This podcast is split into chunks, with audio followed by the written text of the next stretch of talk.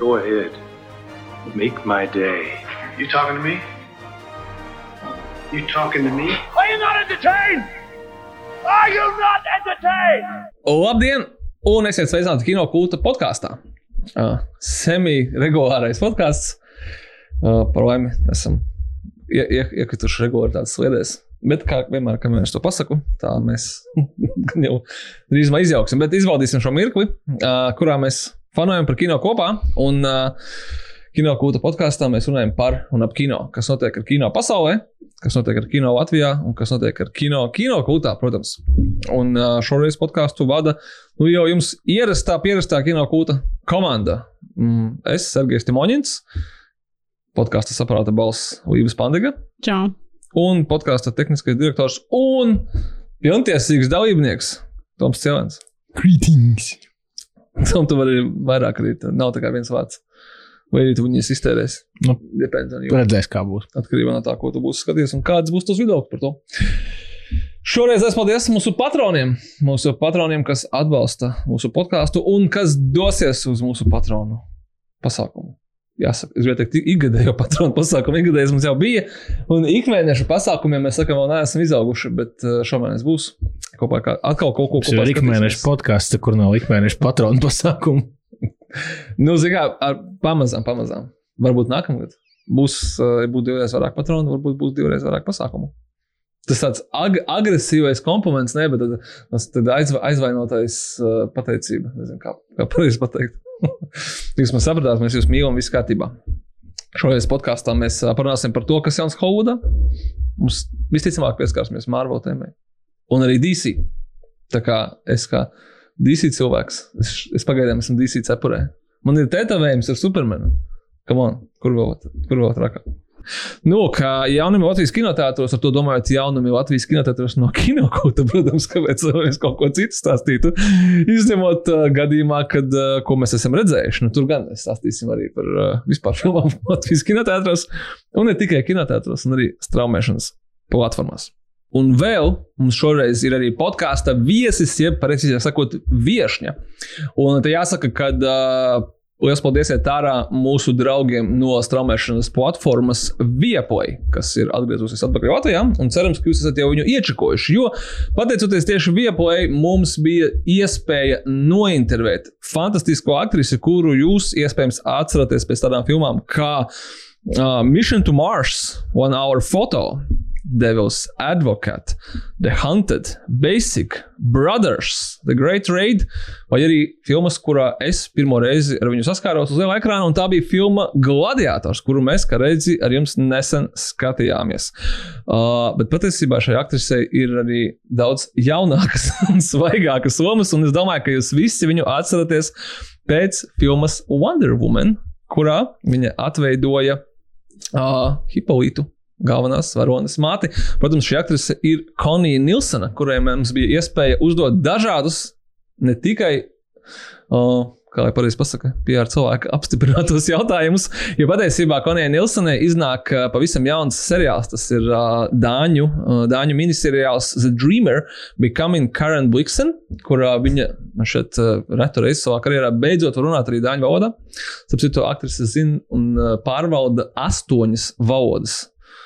Tas ir kaut kā tā, ka. Hmm, Kāpēc vispār viņi nodarbojas ar kaut kādu aktieru spēli? Cilvēks, protams, runāt astoņās valodās. Uh, jā, un uh, par, par uh, reāli eksistējošu vienu no zināmākajām dāņu rakstniecēm. Tas ļoti interesants, uh, ļoti tāds. Um, Caudabīgs seriāls. Tad par to bišķi parunāsim vēlāk. Bet es tikai ieskicēju, ka, protams, protams ka mēs pajautājām arī par Zeka Snaidera Justice League, kurā viņa ir redzama daudzās ainās, protams, šajā te uh, pagarinātajā režisora versijā. Uh, intervija ir angļu valodā, tāpēc mēs viņu ielikām podkāstu pašās beigās. Uh, lai viņi arī nesatrauktu, varbūt tos, kas negrib klausīties, vai kaut kā tā vēl. Nu, redzēsim, kā būs. Uh, bet, jā, 15 minūtes ar Koniju Nilsenu gaidīs pašās beigās. Kā, bet līdz tam nu, kā jau ierasti, kas, kas notiek kino pasaulē. Good news, everyone! Un sāksim šoreiz ar to, ar ko mēs vienmēr sākam, turpinām, dažreiz nobeidzam ar komiks filmām, un uh, par laimi ne ar Marvel. Lai gan es sapratu pagājušajā reizē, ka mēs beidzot esam nonākuši pie tā, par ko mēs ar jums esam pirmos, nu vismaz 50 podkāstus katru reizi pieminējuši, kad mēs beidzot varēsim reālajā laikā komentēt Marvel seriālus. Kuri toreiz mums bija aizliegti un atradās aiz uh, VPN sienas. Un tagad, jā, jaunākā šī hauka sērija iznākusi. Ir Bet es domāju, ka mēs paturpināsim to sarunu. Varbūt, kad Līva, tu būsi noskatījusies. Maz ticams. Cik Toms sērijas viņam būs? 6 vai 8? Es tagad šķiet, ka šķiet, ka sešas, jā. Jā, Ja viņi bija 6, un bija 5, vai tā kā, au, tā kā es tieši noskatījos, domāju, pagaidi, pagaidi, tā pēdējā, nākamā sērija pēdējā, bet kas tad tur vispār notiks? Kā tad tur? Labi, pagājušajā Es neiebilstu arī par sešām sērijām.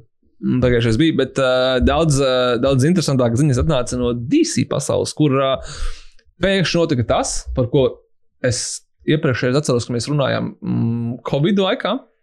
Kad uh, filmē Konstantīns bija nemaldos jubileja, un bija brīnišķīgs, uh, atrast online Zoom panels, kur bija Keanu Reeves, kur bija Francis Lorence, un Viņš vēl kāds tur bija no, no veidotājiem. Tad viņi tā visi kopīgi vienojās, ka varētu uztaisīt turpinājumu, un neviens nav tā kā pret, un visi kā īstenībā par. Un tad jau likās, ka tur ir HBO Max vai drīzāk Warners ar veco vadību, kas tur atdzīvināja pilnīgi visas frančīzes, būs to izdarījis, bet neizdarīja kaut kā. Un jā, nāca jaunie cilvēki, izdzina visus ārā. Aizslēdza Batgirl aiz uh, septiņām atslēgām. Un paziņoja, ka nu, jā, taisam, taisam Konstantīnu Sikvelu ar Keanu Reeves un Francis Orens. Un, nu, zini, kā, uh, varbūt viņus iedvesmoja Top Gun panākumi. Nu, tomēr tie nav 36 gadi, bet tikai 20 drīz, būs uz to brīdi, kad iznāks ja 2005. gada šī filma. Un, uh, un tā, jautājums ir atgriezīsies Šaila Bafs. Pēc citu rainu uz to. Mudināja, ja kāds nav redzējis, Es neesmu redzējis Jā, ir, Pēc ir, viņa pēc citu rainu. Tāpēc, es to filmu diezgan ilgi neesmu redzējis. Es esmu redzējis, man liekas, kādas trīs, divas reizes, bet es laikam nekad neesmu. Jo tad, kad es viņu, liekas, pēdējo reizi skatījos, nu, tā kā pēcīt rainas nebija tāda lieta, kādas viņas ir mūsdienās, un ka es Tas- nezināju. Tikko jūs tur viņas redzat, ir. citas ir, ha, ha, melt. Viss. Nu, jā. Tas ir tāds labs jautājums. Es atceros, ka es kinotētrī to šodien neredzēju, bet man bija DVD, un uh, tur viņš noteikti bija. Bet, kat, bet varbūt bija tā, ka viņi bija tikai DVD. Nu, nevar būt. Nē, tur šeit, mm. ka viņi bija arī kinotētris. Uh, nu, jā, es mazliet nospēlēju, bet ja neesmu redzējuši, tad nu, varbūt noskatieties speciāli Jazz, jazz Creamer asshole. filmu. Uh, un ar Pēcitu Rainu es pirmo reizi, kad skatījos, biju vīlies tajā filmā. Es, es ļoti labi atceros to, un es biju vīlies, pateikšu, kāpēc. Es domāju, man, mans arguments bija, lai cik tas nebūtu kaut kā klišejiski, kad pa maz akciju. Man liekas, ka būs tāds pārdabiskais blades. Tur, principā, viņš tikai staigāja visu laiku, visu filmu un kaut ko tur skumīgi tur ņēmās. Uh, es pirms skatījos mājās, viņa vairākas reizes, un es viņu sapratu, es iz, izbaudīju viņu tādu, nu, tādu, viņu tādu noskaņojumu filmu kaut kādā ziņā. Bet Hellblazer komiks jau arī, nu, tur Jā, jā, jā tā, tā, crazy tā, tā, actions, tā, tā, ir tas- mana tas problēma, ka ir es tur gaidīju, ka būs beigās appropriate. Tur ir viena aina, uh, kura varbūt man tieši tāpēc likās, ka tā viena aina ar tiem demoniem, kad, kad man likās, ka vajadzēja vismaz kādas trīs tādas, un tai vienai vajadzēja būt vēl vērienīgākai, bet tā ir mana problēma, ka es gaidīju no tās filmas kaut ko, kas viņa nav, un varbūt nekad nebija plānojusi būt. Un es domāju, ka es pēc tam lasīju diezgan daudz, nu, DVD arī bija intervija ar Francis Lawrence, un viņš jau ļoti labi pateica, ka viņš tāds tā kā mazais, ma, mazliet finčers, ka viņš nu, neplānoja taisīt kaut kādu beigot supergrāvēju, viņš gribēja taisīt to noskaņas, noskaņas filmu, pārceļot Hellblazer komiks, kas ir uh, pašā not, ar notikumiem Londonā, cik es pareizi atceros, es esmu ļoti īstenībā maz viņus lasījis, bet nu, uz Los Angeles bet saglabājot tādu, tādu noārīgo noskaņu, skaidrs, ka tas noārīgā noskaņa, nu, kāds tu tur, tur skaigās un buļazīs kaut ko apkārt. Un Tā. Nu, cerams, nu, tur mums vēl visādi cilvēki, Rečo Vaiza, Tilda Svintona, kas varētu vai ne- nevarētu atgriezties. Pīters Stormāra, Stormāra vai Stormāra? Kā viņš pareizi izrunājas? Es nezinu. Nu, vot tā, Līva, tu cilvēkiem stāsti par Vakīnu Phoenixu, un kā mēs, kā mēs nezinām par Pīteru Stormāru. Un tā, šīs ziņas gan nāk ar mazliet piliena darbas, kādam piliens, kādam jau mucējās visu Džedžē Abramsam, kuram bija plānots Konstantīna seriāls, kurš tagad tiek atcelts. Tāpēc, ka, nu, kāpēc lai riskēt ar kaut kādu jaunu Konstantīnu? Tur, tur slikti viss, tas uh, jaunais uh, Warner Brothers čalis ir vienkārši. Es domāju, ka viņš, viņam bija tā, tā, tā sejas, tā cepura ar to, ar to tādu konusu, jo Latīno Batgirl ir atcelta. Melnādainais Konstantīns no Džeģa Abramsa ir atcelts. Baltais Keanu Reeves ir atgriezies atpakaļ. Nu, Kurš nebūtu nav tik briti, britišs kā, kā, kā īstais komiks. Nezinu, Kā kas teicu, Kādu Londonu, tā. kāpēc britišs? Nē, nu, Nē, es, nu, joks, jums tas tu skaidrs, ka to rasismu tur tā kā nav, bet, uh, bet es domāju, tas vairāk par to Džeģa Abrams kopsumā, kuram ir, es atceros, ka pirms gadiem, trim, četriem bija tas lielais, ka viņš pusgadu vai gadu, tad, kad iznāca Star Wars, laikam, vai pirms iznāca Star Wars, Džeģa Abrams eh, marinēja visas Hovuda studijas ar kaut kādām vājprāta prasībām, pie kā tad viņš ies strādāt. Tad, ja viņš taisīja Disneyam Star Wars, tad viņš taisīja Paramountam Star Treku. Bet kopumā viņam tas viņa tās liel- lielais divs eh, Bad Robot eh, produkcijam, kurš iekļauj sevi gan seriālus, gan filmas, tad viņš tur gribēja iet pie kāda, pie kāda studijas un gribēja Netflix viņu ņemt pie sevis uzreiz, kā Game of Thrones beidzās, un gribēja Apple viņu ņemt. Tad viņš teica, ka viņa prasības ir, lai tā ir korporācija, kurai ir gan kino, gan straumēšana, gan arī atrakciju parki, jo viņam Gan arī nākotnē. tik daudz ideju, ka viņam vienkārši, vienkārši tā kā Netflix nederēs. Un uh, man liekas, ka no Abramsa zem Warneriem nav ārā iznācis nekas. Vai arī ir tad? Nu, kā, tur pandēmija pa vidu. Kas, es domāju, kaut ko noteikti ir iebremzējis. tad nu, Bet varbūt man liekas, ka, kad tu mini draudīgos cilvēkus šī projekta sakrā, tu domā Akiva Goldsmanu. Akīvi Goldsmans. Es arī par to pašu tā kā tajā brīdī, kad tu par tiem darbus pilieniem un viss bija tāds oh oboja. Akīvi Goldsmans ir cilvēks, kuru ienīst uh, kino fani, komiksu fani. Un vispār, visticamāk, es nezinu, lielākā daļa kino skatītāju. Nu, vienkārši nezinu, lai gan viņš ir līdzis to savu Lai gan viņš visu kaut vai sačakarējis. kāju durvīs ļoti daudziem projektiem. Nu, tā kā ļoti daudziem projektiem. Ar viņu var mēroties tikai cilvēks, kāds ir Simons Kimbergs. Kurš arī ir visur, visur, kur tu redzi, kaut kur ir roka ielikt. Tā kā ok, droši vien Simons Kimbergs vai Akiva Goldsmans. Bet tas ir ļoti interesanti. Jā, un, un mēs viņu zinām pēc. Kā saucās tā filma ar Vilnu Smitu un Colinu Farrell? Winter's Tale. Ak, mans dievs! Jā, tā ir viņa to un sarakstītā filma. Viņam nepiedošu, jo es lasīju to grāmatu. Jā, man tā grāmata ir vienkārši fenomenāli, Ok. okay. lieliska. Un tad tu skaties to filmu un tev gribas raudāt. Tur ir kā tāpēc, ka- Sātans, Rasels Krauss, Kalns Farels. Kaut... Jā, jo bija tā, ka ir daudzi projekti, kuros Akiva Goldsmans bija kā scenārists un producents, bet uh, mēs vienmēr varējām novēlēt vainas to, ka režisors visu sabojāja. Bet uh, projektā Interstēlā viņš bija režisors un scenārija autors. Pie tam viņš pat nerakstīja. Nu, viņš, viņam bija grāmata apakšā, kas ir atzīta, ko nu, nevajag jau nu, vajag vienkārši normāli adaptēt, un viss tur nekas nav jādomā. Un tad mēs redzējām, ka tur viss ir diezgan nevarīgi. Bet varbūt cilvēks tā kā Bet, lai būtu sa- sapratni, tad šajā projektā Konstantīnā viņš arī ir piesaistīts. Viņš Nu, to mēs nepieminējām, mēs aizrunājāmies. Nu, piedodiet, es, es, man, nu, es saskanu par to Džeģi Abrams, bet nu, kā pats manīgs, viņš tur baigi ņemt, iedalījās un rekrutā. Viņam, viņam atstāja kaut kādu to seriālu jau dārgo. Demimonde bija domāts. Viņš gribēja 200 miljonus, pirmajā sezonā piedāvāja, ka mums ir 50. Nu, nesanāca, nu, nebūs seriāls. Nu, tā, es domāju, ka nebūs arī Džeģi Abrams iekšā Warnerē. Nu, tas tā, uz to visu kaut kā iet, ja viņam palūdz arī Konstantīnam piemeklēt jaunas mājas. Un droši vien arī viņam vienkārši tur bija daudzi projekti, par kuriem mēs esam runājuši. Melnais Supermans bija pie viņa. Kaut kas vēl bija pie viņa.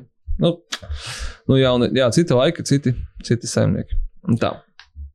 Kamēr tu to par Abramu stāstīji, es paskatījos uh, Ko? Pīteru Stormāri, kurš Pīters. viņš ir zviedrs. Es nezinu, es izrunu viņu vārdu pareizi, bet uh, viņa īstais vārds, zini, kāds īstenībā ir Rolfs Pēters Ingvārs Storms, var, varbūt Storms, es nezinu. Šis ir pat- labs trivija fakts, kā, kā, kā īstenībā sauc Ralfu Ingūru Stormu. Īstenībā mēs viņu pazīstam kā Pīters Stormāre. Varbūt viņš ir. Pīters Stormāre atveido vienmēr konstanti kaut kādu uh, Krievu, Ukraini vai kaut kādu tā kā Austrumu Eiropas cilvēku visās Ar Jerry sliktiem nodomiem. Brukhaimer producētajās filmās, lai gan viņš ir tā kā as Nordic as it can get, vai ne? Kāpēc tā? Es tagad neatceros pēkšņi nosaukumu tam seriālam, bet ir viens komēdijas sitkom seriāls par, par, par, par uh, lidmašīnām, par lidostu, par cilvēkiem, kas strādā kā lidmašīnas apkalpe. Un tu, Planes? apmēram, jā. Un kaut kādā vienā Pāris brīdī, tā kā to seriālu rādīja pa televizoru, tad svāgāja caur, ah, labi, nu šoru pastīšos. Un parādās Pīters Storm, kā mēs viņu turpmāk sauksim. Un guess fucking what? Viņam ir um, agen, agentas akcents vienkārši tāds pats, kā tieši tu saki, kurš viņam ir visu laiku visur. Varbūt tas ir viņa akcents. Šeit maniem noteikti būtu mīļākajiem raksturlomu aktieriem. Vai tas būtu Bad Boys 2 vai Minority Report vai jebkur, kur viņš vienmēr ir kā. Un tā. Un kā es redzu, tagad IMDB Konstantīns 2 Lucifers, tas nāmas, bet nu, es ceru, ka tas tā kā ir tā kā wishful, wishful thinking, bet nu, kur, nu skaidrs, ka nu, es ļoti ceru. Nu, tur ir jābūt Nu, jā. Nu, come on, nu, tā kā. Nu, jā. Uh, tu gribēji jau piebilst, mēs runājam par DC šoreiz par uh, Flashu. Es nezinu, vai tur ir tik daudz par flashu, bet, uh, ja kādu interesē Ezra Millers, uh, Es domāju, ka advokātiem interesē. Nu. Īpaši. Nē, bet tas nē, nu, nu, jā, vienkārši ir uh, jauns kārtējais uh, raksts, kur ir vairāk pastāstīts tur, par kas viss ar viņu tur notika. Vanity Fair, ja grib apstīties, kādas tur tās ārprāt lietas mm -hmm. viņš tur ir sastrādājis. Kādās tur delūzijās viņš pats dzīvo, tā ka, ja tas uh, interesē, tad var palasīt. Bet tas, man liekas, ir ļoti, ļoti, ļoti interesants vienkārši komentārs par to, ka, nu, kas viņam ir jāizdara, lai viņš tā kā, nu, lai, lai viņš vairs nestrādātu. Nekas atcīm. Ja, nu, Jo tur nu, viņam tur stāsta, viņš tur ir tur sevi tur par kaut kādu tur jauno mesiju iedomājies, un tur visādi ārprātā stāsta par to, ko viņš tur ar tiem saviem cilvēkiem apkārt ir darījis. Un, un tā filma joprojām iznāks. Viņi taču jau tagad tur jau bija, ka viņš atvainojās, un tur vai piedodiet, es tur iešu kaut ko tur padomāt par Tu tā atvainošana arī bija tāda, nu, Ezra, nu aizēj, Ezra, aizēj, tev vajag aiziet. Taču vajag aiziet, es negribu, nu aizēj, aizēj, vajag atvainoties. Oh, I'm tur- sorry, I guess. Interesants lietas notiek, un tāds diezgan depresīvs droši vien. Elements visā lielajā Holivudas stāstā. Kā ļoti savādi. Nē, nu skaidrs, ka mēs tagad uh, varbūt aizmirstam par to, kā sauc to viņa filmu, kurā viņš actually bija talantīgs. Nē, viņš jau daudz, viņš jau tā kā. We need to talk about Kevin. Jā, Jā. bet viņš jau citur arī bijis. Viņš jau kā aktieris, nu, neviens jau nesaka, ka viņš ir slikts aktieris. Bet vai varbūt- tiešām viņš ir tā kā, nē, es par te Ezra, tas, tā kā, tur visi tie meltdown tiem aktieriem ik pa brīdim ir, un es saprotu, teiksim, zini kā, o, o, es, es tagad nezinu, vai tas būs apsalīdzinājums, bet es mēģināšu, bet, piemēram, kad Mels Gibsons aiziet uz viestā, es to kinda, tā kā saprotu. Cilvēks ir 20 gadus, viņam, tā kā es atvainojos, Putinam neviens nav teicis, nē, viņš bijis tā kā, nu, viņš ir bijis the boss, viņam ir bijis studija, viņš ir vienkārši valdījis, un viņš ir, nu, nu sakā Purīns galvā, ka tā kā, tā kā es varu teikt visu, ko es gribu, vai ne, un tā tālāk. Es vienkārši nespēju salīdzināt Ezru pat ne ar kaut kādu Jaredu Leto vai kaut ko nu, tādu, ka cilvēks, kuram tiešām ir kaut kādi miljonu fani, kurš tiek cildināts līdz līmenim, ka viņš zaudē saikni ar realitāti. Vai tiešām, eh, ok, uh, viņš ir Flash, viņam ir bijis Kevina filma un vēl dažas lomas, bet seriously, tā kā, tā kā tiešām. Kurā nu, skaidrs, ka viņš var aiziet, un kāpēc neviens nav ļoti atpakaļ, jau labu laiku atpakaļ, tā kā ieslapojis kārtīgi. Tāpēc nu, viņš noteikti manā, manā pasaulē nav tā kā nepieskaramā zvaigzne, kas var rīkoties kā viņi ir. Tikai tāpēc, ka tur nav pamatojumu. Mēs zinām, kā notiek ar komiksu filmām. Tā kā vienā dienā tu esi Flash, un nākamā dienā cits cilvēks ir Flash vai Rodijs no Iron Man, un tā kā visi ir tā kā dzīvo tālāk. Un, un ir, nu, nu, nekā, un ta, tas man vienkārši kaut kā bija nošķies. Tieši tā, ka okay, viņš ir kļuvis populārs, bet like, seriously, ka, ka, ka, ka viņa uzvedība īstenībā neiet kopā ar Nu, kādu. ir, ir tas interesantākais elements, Jā. jo nu, tur nav tik daudz jautājumu. Man liekas, varbūt par, par to pašu Milleru. Nu, tur acīm redzami ir apkārt, jā, smagas kad- problēmas, kas neataisno, protams, viņa uzvedību, jo, ja tev ir smagas problēmas, tad tu kā centies viņas kaut kā ārstēt vai tam līdzīgi. Bet tas, jā, tieši tas apkārtējo reakciju vai reakcijas trūkums. Nu, kas- jā, ka ja nevar neko izdarīt, ja tas, ka, es tagad domāju, ka skaidrs, ka, kad visā tajā kādā vecajā Hovuda sistēmā ar tiem visiem moguliem un studiju bosiem, kuriem tur tie aktieri bezmazliet piederēja, burtiski tas viss ir ļoti slikti un tur bija nenormāli daudz sūdu, bet nekad nekas tāds netiktu pieļauts. Un, un, un skaidrs, ka vienkārši neviens nevar kā pateikt, ka just vienkārši fire him un bez jautājumiem, un, un tas varbūt arī nākamās, nākamos ezras arī bišķiņ atvēsinātu. Nu, jā, tas, Nu, tas, redzēs, tagad filma iznāks. Viņš tā kā, es nezinu, tur defilēs pa sarkaniem paklājiem, pozēs kaut kādā nebija ziņa jau, ka tā kā jau vi- viss jau izlēma, ka nu, viņš nebūs vairs tālāk. Kad he's done. Es vairs tā kā, nu, man liekas, tur arī var mainīties ik pēc piecām minūtēm. Tagad viss noklusīs, pēc, varbūt pēc pāris mēnešiem pat, pat, pat, pataustīs ūdeņus, vēlreiz kaut kā izlaidīs kaut kādu jaunu ziņu, Ezra tur labojies, visu ļoti nožēlo, un tad vēl pēc sešiem mēnešiem, kad filma iznāks, tad jau jaunais Ezra tur rehabilitējies, lūdzu, jūs piedošanu. Vai ir jaunais Warner Brothers Džeks, kurš atsevišķi Batgirl pateiks, ka nē, es viņš bija atnācis normāls čels. Viņš ir- Es nezinu, ko tie He iepriekšējie seemed okay, cepās, tā kā, jā, tā kā es čivriks, parunājām, tā kā viss bija kārtībā, lai viņš, viņš izgudra. nu, jā, tas nu, bēdīgi. Nu, tā. Es, jā, man, man vienkārši nav personīgi nekāda emocionālā piesaistes centram vai flasham. Tā, ka tas tur būtu. Nu, par Bēnu Aflaku bēdīgs bija, bet par šito. Bērns arī bija bēdīgs. Jā, tur viņš ir priecīgs. Kamēr jūs ķidājāt ezerēs, uh, sameklēju, ka tas seriāls uh, par tiem lidmašīnas darbiniekiem, ne, bet uh, crew ir saucās LA to Vegas. Vai tu Vegas? Un Pīters Stormers atveido varoni, kur sauc Arķom. Dievs. Viņam vispār tikai divi veidi. Es gribēju to veidu, tu teiksi, viņam ir, ja jau mēs pieminējām mūsu draugus no Vieplay, sauksim viņus tā, tad uh, viņiem ir oriģināls seriāls, kurā viņš atveido uh, beidzot normālu zviedru, laikam uh, šo izmeklētāju Losandželos, viņš saucās Dicks, un viņš atveido Ingmāru. Un Tā kā viņš ir vai no Arķems, vai no Ingmārs. Vai arī, jā, Vai arī Lucifer. Un arī Lucifers, jā. Anyway. Vai mums ir kaut kas, ko piebilst pie- par DC jaunumiem? Nē, bet tas nā- droši vien labi novada pie nākamās ziņas par uh, Warner Brothers. Warner Brothers, o, tas uh, cilvēks, kuru mēs tikko gribējām aizvainot, ka viņš satiksies ar Ezru Milleru un pateiks, ka viņš ir normāls čalis. Īstenībā kaut kādā ziņā ir normāls čalis, jo viņš saprot, ka nav ko visu pludināt uz HBO Max un ir jālaiž, uh, nu, jālaiž kinoteātros. Kas droši vien iepriecina daudz cilvēku. Bet mēs īstenībā sapratām, kad, uh, kad, uh, kad um, Warner Brothers tas uh, šefs zina, ka visā pasaulē ir arī populāri dažādu veidu dāmām priekšrokas seanses un kaut kas viņos ir jārāda. Viņš tā kā, ok, nākamajā 14. februārī vai nu, pie Valentīna dienas Magic Mike 3 dodas uz kinoteātriem. Es gan palasīju komentārus internetā, un tur kaut kā cilvēki bija ļoti negatīvi par to visu. Viņi teica, ka tā, kā, tā filma ir. Tur ir tikai Čanīgs Statums un, laikam, vēl kāds tur nāsā tā oriģinālā komanda. Vai arī ir? Kas notiek? Es domāju, kāpēc, kāpēc nav pārējie? Kāpēc nav šis wrestling džeks? Viņš gan tikai man šeit pirmā daļā bija. Varbūt arī. Nu, tur jau mainījās, tur jau Matthew McConaughey's neatkārtojās no pirmās. God damn it! Es saku, skatos uz savu to Magic Mike XXL būrēju, kas mēs tā plaktām. Es domāju, es plakātu pie sienas.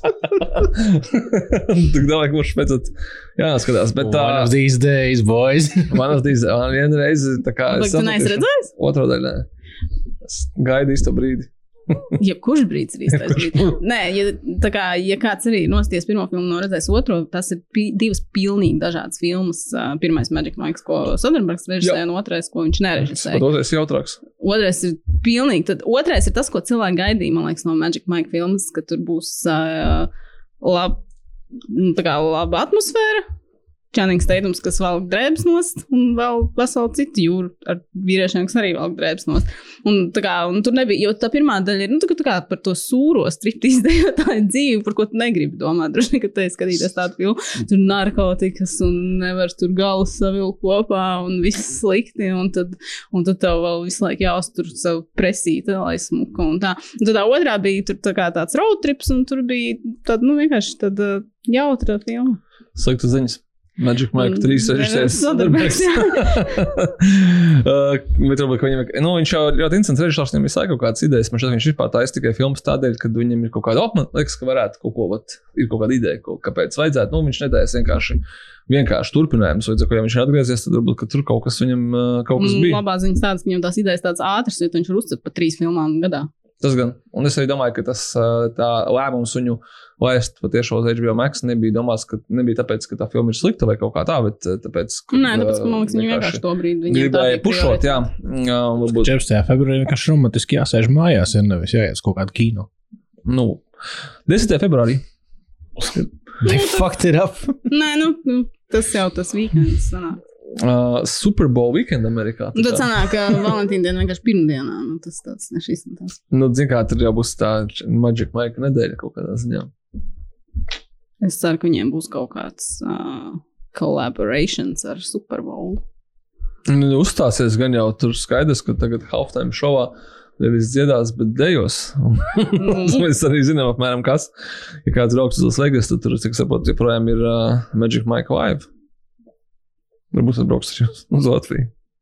Jā, tur rakstīts, ka uh, Londona, Berlīne, Austrālija un arī ap filmas iznākšanas laiku būs tūre. Tā kā, ko var zināt, varbūt tad brauks arī uz Latviju. Īpašais patrons seans. Kad šis izstāstīšu, abagā nemaz jāizstāsta. Līva šī izstāsta ir patroniem. Nu, ne patroniem, bet visiem, kas klausās mūsu podkāstu. Uh, par to, par to Rubena filmu. Saki savu vārdu. Es drīkstu stāstīt. Pagaidiet, es nesaprotu. Triangle of Sadness. Ah, nu es nezinu, vai Ja tas ir. Es drīkstu stāstīt. Tas, kad, ja, tas sen jau notika. Tā kā nesen kāds no jums, droši vien, kas klausās, arī bija uz uh, Splendid Palace pirmizrādi filmai Triangle of Sadness. Izpirkto. Izpirkto. Izpirkto. Izpirkto. cilvēki netika iekšā, kas gribēja tikt iekšā. soldauts, tur sitās pa durvīm cilvēki, ka laidiet mums iekšā, redzam, gribam redzēt. Nu, viss kārtībā no 30. septembra varēs redzēt visur, kur rāda. Tik ilgi, cik rādīs. Cerams, ka arī būs līdzīgs pieprasījums, jo galu galā laba filma. Kanās dabūja galveno balvu. Bet uh, pie mums, uh, ot, nezinu, kāpēc tieši pie mums. Tagad es aizdomājos par to. Vērsās uh, filmas izplatīties, vajag uzsākt īpašo sēnesi. Bet tas nav tas sēnes, kas būtu Splendid Palace, lai gan tur ir ekrāns un skatuve. Tas ir svarīgi. Bet mēs tā esam uh, kinoteātrī, kurā ir arī skatuve, kur es parasti esmu viens pats tur uz tā milzīga ekrāna fona. Vai arī nav dažreiz skatos, ja tas ir kāds cits zāles, tur tomēr ir daudz zāles, jūs paši zināt. Nu, lūk, un filmas izplatīja, ka vajag uztaisīt kaut kādu akciju, un viņam ir sekojoša ideja. Vajag 30, tas ir viņu piedāvājums, 30 topless vīriešus, kas iznāktu priekšā un uztaisītu kaut kādu akciju. Un to visu, visi, nu, kā, kā parasti tas ir reklāmas aģentūra brīvos, visi filmēti un likti internetā un tiktokos un tā tālāk. Nu, es uzrakstīju, ka uh, 30 topos vīrieši, nu, ja man tā kā būtu tajā, šajā tā kā, kādā gaļas tirgu jāpiedalās, maksātu vismaz tā kā 100 vai 150 par cilvēku, kurus precīzi uzrakstīju, uz kuru būtu patīkami skatīties. Jo Jā, jūs gājāt, jo nu, vienkārši Nu, nu, toplas vīrieši droši vien gan jau kaut kā dabūt. vai arī jautājums, Tunelī var atrast Jā. kādas piecas Bet tas droši vien nebija tas, ko viņš Bet iedomājās. no otras puses, tā ir uh, nu, no šī tā Rubina Ostuna filma tā kā par mākslu, kas līdzīgi kā viņam iepriekš bija The Square, un arī, piemēram, Nocturnal Animals ir filma par mākslu. Un tur ir tā kā filmas sākuma mainā, tur ir tāda interesanta performance. Bet es pieņemu, ka tas nebija domāts šādi. Varbūt tāds vīrieši būtu dārgāk at- atrast. Nu, mēs nevienojāmies par samaksu un par pasākumu. Market research. Bet man liekas, ļoti interesants piedāvājums, bet viņi bija pārsteigti, ka tas varētu būt dārgi. Bet man liekas, ka tas vēl būtu vēl dārgāk īstenībā. Bet, jā, bet varbūt uz Magic Mike XXL, jo tomēr tas nosaukums tā kā dod savā ziņā mājienus, ka tam jā, Pagaid, tā jābūt bija otrā filma. Otrā filma. Jā. Bāc, nē, jā, Viss bija. Nē, es neesmu redzējis. Nu, tāpēc, uh, Šī būs Magic, Magic Mike's Last Dance. jā. Uh, es domāju, ka šo filmu šo ideju sētu pārformatēt tālāk, un, ja ne 30 topos vīrieši, tad nu vismaz 3 varētu būt. Nu, vai arī kaut vai viens, tad jau būtu cilvēki priecīgi. Es, dā, es, biju, es biju, mēs pārnāsim, es biju uz dāmu sēnesi, tikai tu Paradise, tur bija viens vīrietis, un viņš bija absolūti apģērbts Roberto. Un, un, uh, Cik spārīgi. Īstenībā divi, ka mēs un Roberto. Bet, nu, tā kā uz skatos, es domāju, bija viens, un tur jau tās dāmas man šeit bija gatavas, un jūs aplēst uz pusēm, tā kā ja tur būtu topos vīrieši, tur, tur, tur nevajadzētu 30. Tur tas to neizturētu vienkārši cilvēki. Tur katru reizi mēs, citreiz mēs ejam ārā no un tur ātrā palīdzība stāv. Tad šodien vajadzētu vēl vairāk. Tā kā uh, nav daudz paucis, gan jau mēs izdevāsim, tiksim līdz Magic Mike's Last Dance, bet līdz tam laikam es noskatīšos Magic Mike XXL Un un, tad īsti 30 topas vīrieši. un The Greatest Showman, protams, arī. Vienmēr. Nu, tas vienmēr man plānā uzreiz pēc tās filmas, ko es skatos vakarā. Nu, nopietni, es, es, tas nav kā joks, ka es neskatīšos, es visu laiku gribu nosties. Uh, ziniet, ko mēs uh, vēl gribēsim noskatīties? Sony Pictures ir pas, izsludinājis savu šo, nu, to line-up, kā pareizi nosaukt. Jā. Nākamo filmu plānu uh, ar daudz mazāku, manuprāt, tādu, tādu dārdienu, kā to dara parasti Disneja tie savos pasākumos, uh, vai pat arī Warner Brothers savos pasākumos, kur šogad Warneram zina, ko atcēla. Tas Davids Zaslavs atcēla to tur, to, to fanu, fandom, DC fandom nebūs. Ne online, ne Nu, offline. tāpēc, ka, zin kā, drusku bēdīgi, ka viņš nokancelēja Batgirl, tad flashu problēmas, tas tāds apšaubāms pasākums. Viņš aizvarēja jau stāvēja uz gri- pie green screen un gaida, kad būs pasākums. Līdz ar to viņš labāk izde- izdomā atcelt. Es domāju, ka Dezerē stāv pie Greenscreen. Viņš tā kā domā, ka viņu tūlīt griezīs ārā no flaša. Viņš tā kā ne, ne, es neiešu klāt nekādiem Greenscreeniem. It's your problem, not mine. Jā, Sony vienkārši izsūtīja preses relīzi, kurā vienā no pirmajiem punktiem stāv, ka uh, jau nākamā, ne, aiznākamā gada 7. jūnijā būs jauns karate kid vai karate kid. Karate vai karate? Mums jautājums. Nu, mums šodien ir tāds jautājums podkāsts, mēs nevaram saprast, kā izrunājās Karate. Karate Kid. Uh, un uh, daudz cilvēku sāk minēt, ka tur ir Cobra Kai, ārkārtīgi populārs seriāls. Nu, varbūt, kad uh, tagad uh, filmā turpināsies viss, un Cobra Kai autori jau pateica, ka viņiem arī bija tas pats pārsteigums kā visiem pārējiem par jauno Karate Kid filmu, kur nu, ir jau visādi varianti.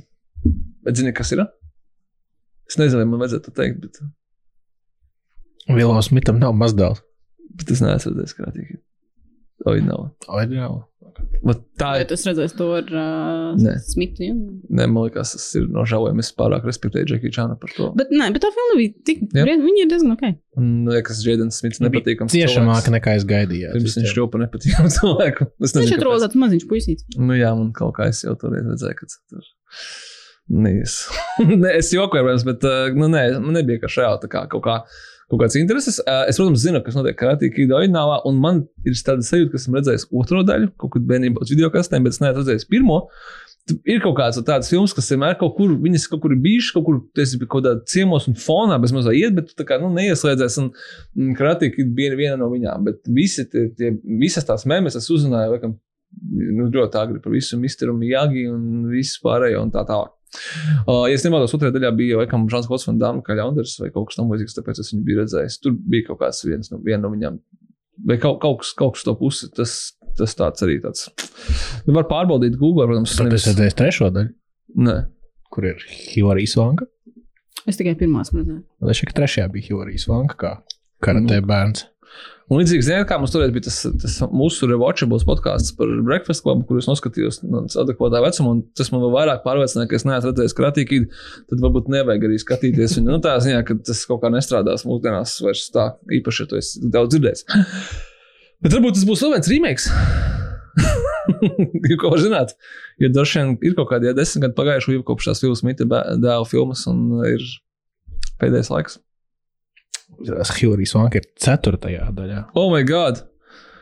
Es biju, es biju, es atceros, ka bija tāds uh, American Ninja, kam bija Dudikaus, Dudikaus, tad nebija Dudikaus, bet bija uh, Daniels Brunhards, kurš ir viens no aģentiem Matrixā, kas nav Smits, bet ir citi aģenti. Un, uh, nu jā, tur tāds interesants.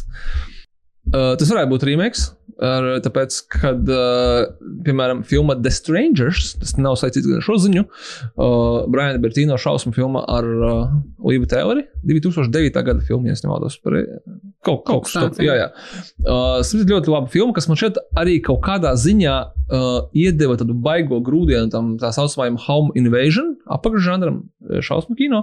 Arī bija pirms tam filmas, bet pēc šīs filmas, kas bija uh, nosacīta mazbudžeta filma, man liekas, katrs otrais uh, šāds ma mazbudžeta vai mikrobudžeta šausmu kino režisors saprata, ka nu, man būs tūlīt home invasion filma. Nu, tik, nu, tik beigās. Neviena, neviena no viņām nepārspēja The Strangers. Nē, no viņam nepast, nepārspēja Home Alone. Mm, arī, arī fakts. Jā. Un uh, pēc skaitā arī The Strangers sequels nepārspēja The Strangers, bet uh, soba režisors Renijs Hārvins cietā rieksta, klinšu kāpēja un uh, daudzu citu filmu autors. Tā skaitā arī klases saudojums trīs viņam bija Somijā. nu, kā, uz augšu viņa karjeras neiet, nu, kā, bet nu, turās. Uh, es domāju, ka tomēr šai filmai arī vajadzīgs remakes, un patiesībā nevis viens, bet trīs. Tāpēc šo uh, vasaru vai rudeni viņš pavadīja, un vēl tikai pavadīs viņus režisējot. Uh, Tā kā mums gaida jauna The Strangers triloģija, uh, sa saturiski nekāda saistība nebūs ar iepriekšējo. Jauni, jaunas sejas, jauni varoņi, jauni cilvēki. Darbība notiks Amerikā, filmēs to visu Ungārijā. Uh, Renijs Hārlens, interesants džeks. Viņam bija, zini, kas par filmu? Viņam bija uh, filma ar Džekiju Čanu un Johnny Knoxilu. Skip Trace saucās. Uh, Iespējams, ļoti slikta filma. Man trījā līmenī likās jau, ka, nu, tā kā, paldies, bet Es man tā šī kaut kādas pirmās desmit minūtes noskatījos, pirms. Jā. man bija kaut kur jāiet, un nu, es tā arī nekad neatgriezos. tāda Hollywoodizēta ķīniešu filma. nu, tā, ir- tā ir reāla ķīniešu filma, kas ir, uh, tais, ar, kur ir īpaši uzaicinātais viesis Džonijs Knoksvils un piedzīvojumi Ķīnā un tā tālāk. Kāpēc es to visu stāstu? Es sekoju uh, Renam Harvanam sastīkos, un viņam tā filma bija nenormāli pelnoša Ķīnā. Nenormāli. Viņa bija tik pelnoša, ka Renijs Harvins to, to laiku, kad uh, Holivudē tikai sākās tas viņu ļoti īstermiņa romāns ar Ķīnu, kad viņi pielāgoja filmas Ķīnai, ka viņi centās tur, uh, tur baigo kāpostu raut un tā tālāk, ņemot vērā arī to, ka Ķīnā bija tad, tad jau ļoti grūti tie kastes noteikumi. Renijs Harvins sevi pieteica, ka es būšu Holivudas džeks Ķīnā, un es tagad jums taisīšu šādas filmas, kuras strādās Ķīnā, un ar Holivudas aktieriem, jo es tikai saprotu jūs, un viņš pārcēlās tur dzīvot, viņš pārdeva visu savu iedzīvi, viņš uztaisīja savu mini studiju, un tad laikam viņam vienā brīdī piezvanīja kaut kādi viņa ķīniešu draugi no komunistiskās partijas, pateica, ko mēs tā kā, nu, tā kā slēdzam cietu to bodu ar Holivudu un ķipa, pārstājam to sadarbību un, un tā. Un tad nākamais, ko dzirdēju, ka viņš ir atgriezies dzimt- dzimtajā Somijā un taisa klases saudojumu trīs. Tālāk, Renija Hārona Ķīnas sapnis nomira. What a roller coaster. Tā, tagad viņam ir jauns sapnis, tā ir Strangers triloģija, kas tiek filmēta Ungārijā, kas atveido Ameriku. Vienmēr daudzsološs, tas saka, sākums. Uh, Bulgārija, Amerika, Ungārija, Amerika un tā tālāk. Nu, mēs apmēram jau saprotam, kur tas viss tā kā iet. Bet, nu, tā saka, vēl veiksmi. Atgriežoties pie Sony Pictures, uh, tur mūs uh, vairāk, protams, interesē, kas notiek ar Sony uh, Universe of Marvel characters that we are not giving up anytime soon universe. jeb uh, Sony filmas, um, kas, uh, kas tiek taisīts kopā ar Marvel, jeb uh, Morbius, uh, kas jau Venoms, kuram būs trešā daļa. Cravens. Craven the Hunter. Uh, ir septembra beigas. Un vēl līdz pagājušā nedēļā mums tika solīts, ka jau janvārī mēs redzēsim Ārānu Teoru Džonsonu kā Kreivenu. Lai gan no filmai nav neviena bilde, traileris vispār nekas nav. Man liekas, tas tā ļoti daudz sološanas gaidīja lielu pārsteigumu. Pārsteigums nebija tāds, kā es gribēju, kad iznāk pēkšņi filma. Tāds tā kā nu, filmu pārsteigums, bet tas, ka filma tika pārcelta uz nākamā gada novembri, kas jau ir tuvāk patiesībai. Es skaidrs, ka filma vienkārši nav gatava, viņa nav ne tuvu gatavībai. Es jau nespēju kā būt uh, savākt sevī nekādas kā emocijas, vai būt priecīgs par to fi Kreivena filmu. Bet tajā brīdī, kad kaut kur bija tā ziņa, ka šajā filmā Kreivens ir nu, dzīvnieku draugs un aizstāvs un viss pārējais. Tāds, Oh, my God, jūs tā kā vispār esat, nu, jūs zināt, kas ir Kreivens, kā kāpēc, ko viņš, kā viņš dara, un Nu, kā, nu, Kā viņš ir safā, safārī dodas. Tas tiešām tā bija. Nu, Tas tu- tu- nu, tik skumji, un tad ir tāds, ka nu, tas- tā nevar, nevar vegāns. sapriecāties. Nu, viņš, viņa mērķis ir atrast kā, nākamo lielāko izaicinājumu, tā kā medījumu. Viņš ir mednieks, un viņš ir ar visiem Mhm. bīstamākiem dzīvniekiem izcīnījies un ir uzvarējis, un tāpēc arī viņš to pašu zina, ka cilvēku tas ir viņa nākamais. kā- medījums ir cilvēks. pats. Un pēc tam zirnekļu cilvēks. Nu, tieši tā. Bet tajā brīdī, kad tā kā pēc tāda origin story vienkārši tā pasaka, ka viņš būs dzīvnieku draugs un aizmīlis un aizstāvs, tāds. Bet viņš nevar cīnīties ar zirnekļu cilvēku. Jā, viņš ir draugs. viņš nevar sist zinekļu cilvēku. Varbūt tāpēc viņi arī pārcēla uz oktobri, kad viņi nevar saprast, kas viņš vispār ir. un vēl vajag papildus laika par to Vajag pārdomāt. izlaist prīkolu vienkārši, kurā viņš cenšas saprast, kas viņš ir. Anyway, filmā būs arī uh, Russells Kraus. Kurš tas sanāk, viņš ir Zeus vai viņš ir Grēvena draugs? Un kā tas tagad darbojas? Jo tā taču ir viena pasaule, jeb arī nav. Multivers. Multivers. Viss, Ok. viss ir multivers. Nu, nu, viņu. Uh, viņš ir krievis izcelsmes, ja viņš vairs nav arī. Mēs šajā podkāstā runājam par cilvēkiem, kas galīgi nav krievi. Nu, viņa jau ne- neatveidos Pīters Stormērs, līdz ar to viņš nevar būt krievs. nu, nu, labi. Uh, Pārcelt arī Madame Web ar uh, Dakotu Džonsonu. Nu, mazliet uz priekšu. Tagad būs 20, 2024. gada Valentīna dienā, 16. februārī. Tā kā, nu, man liekas, ļoti viss. Viss pamatot, nu, pārējais viss tur nekustās viņiem. Man gan patika, ka viņiem būs uh, jauna filma no Searching franšīzes, kurā pagaidām ir viena filma, bet būs divas. Otrs augsties Missing. nu, ir Timuram Bekmametam kaut kur jāliek lietā tas saucies screen capture filmas. Nu jā, ja kāds, ja kāds gaidīja, tad laba ziņas. Ja negaidiet. Searching, missing, trešā būs kaut kāds loading. nu jā, nu, un, uh, un tad viņam ir kaut kāda daži datumi jau, tā kā, kas saucas Untitled uh, Marvel. Sony mūvija, kur var ielikt iekšā kaut ko, kas ir populārs. Nu, teiksim, es nezinu, tur Venoms 4 vai Venoms 5. Nu, kas sanāk.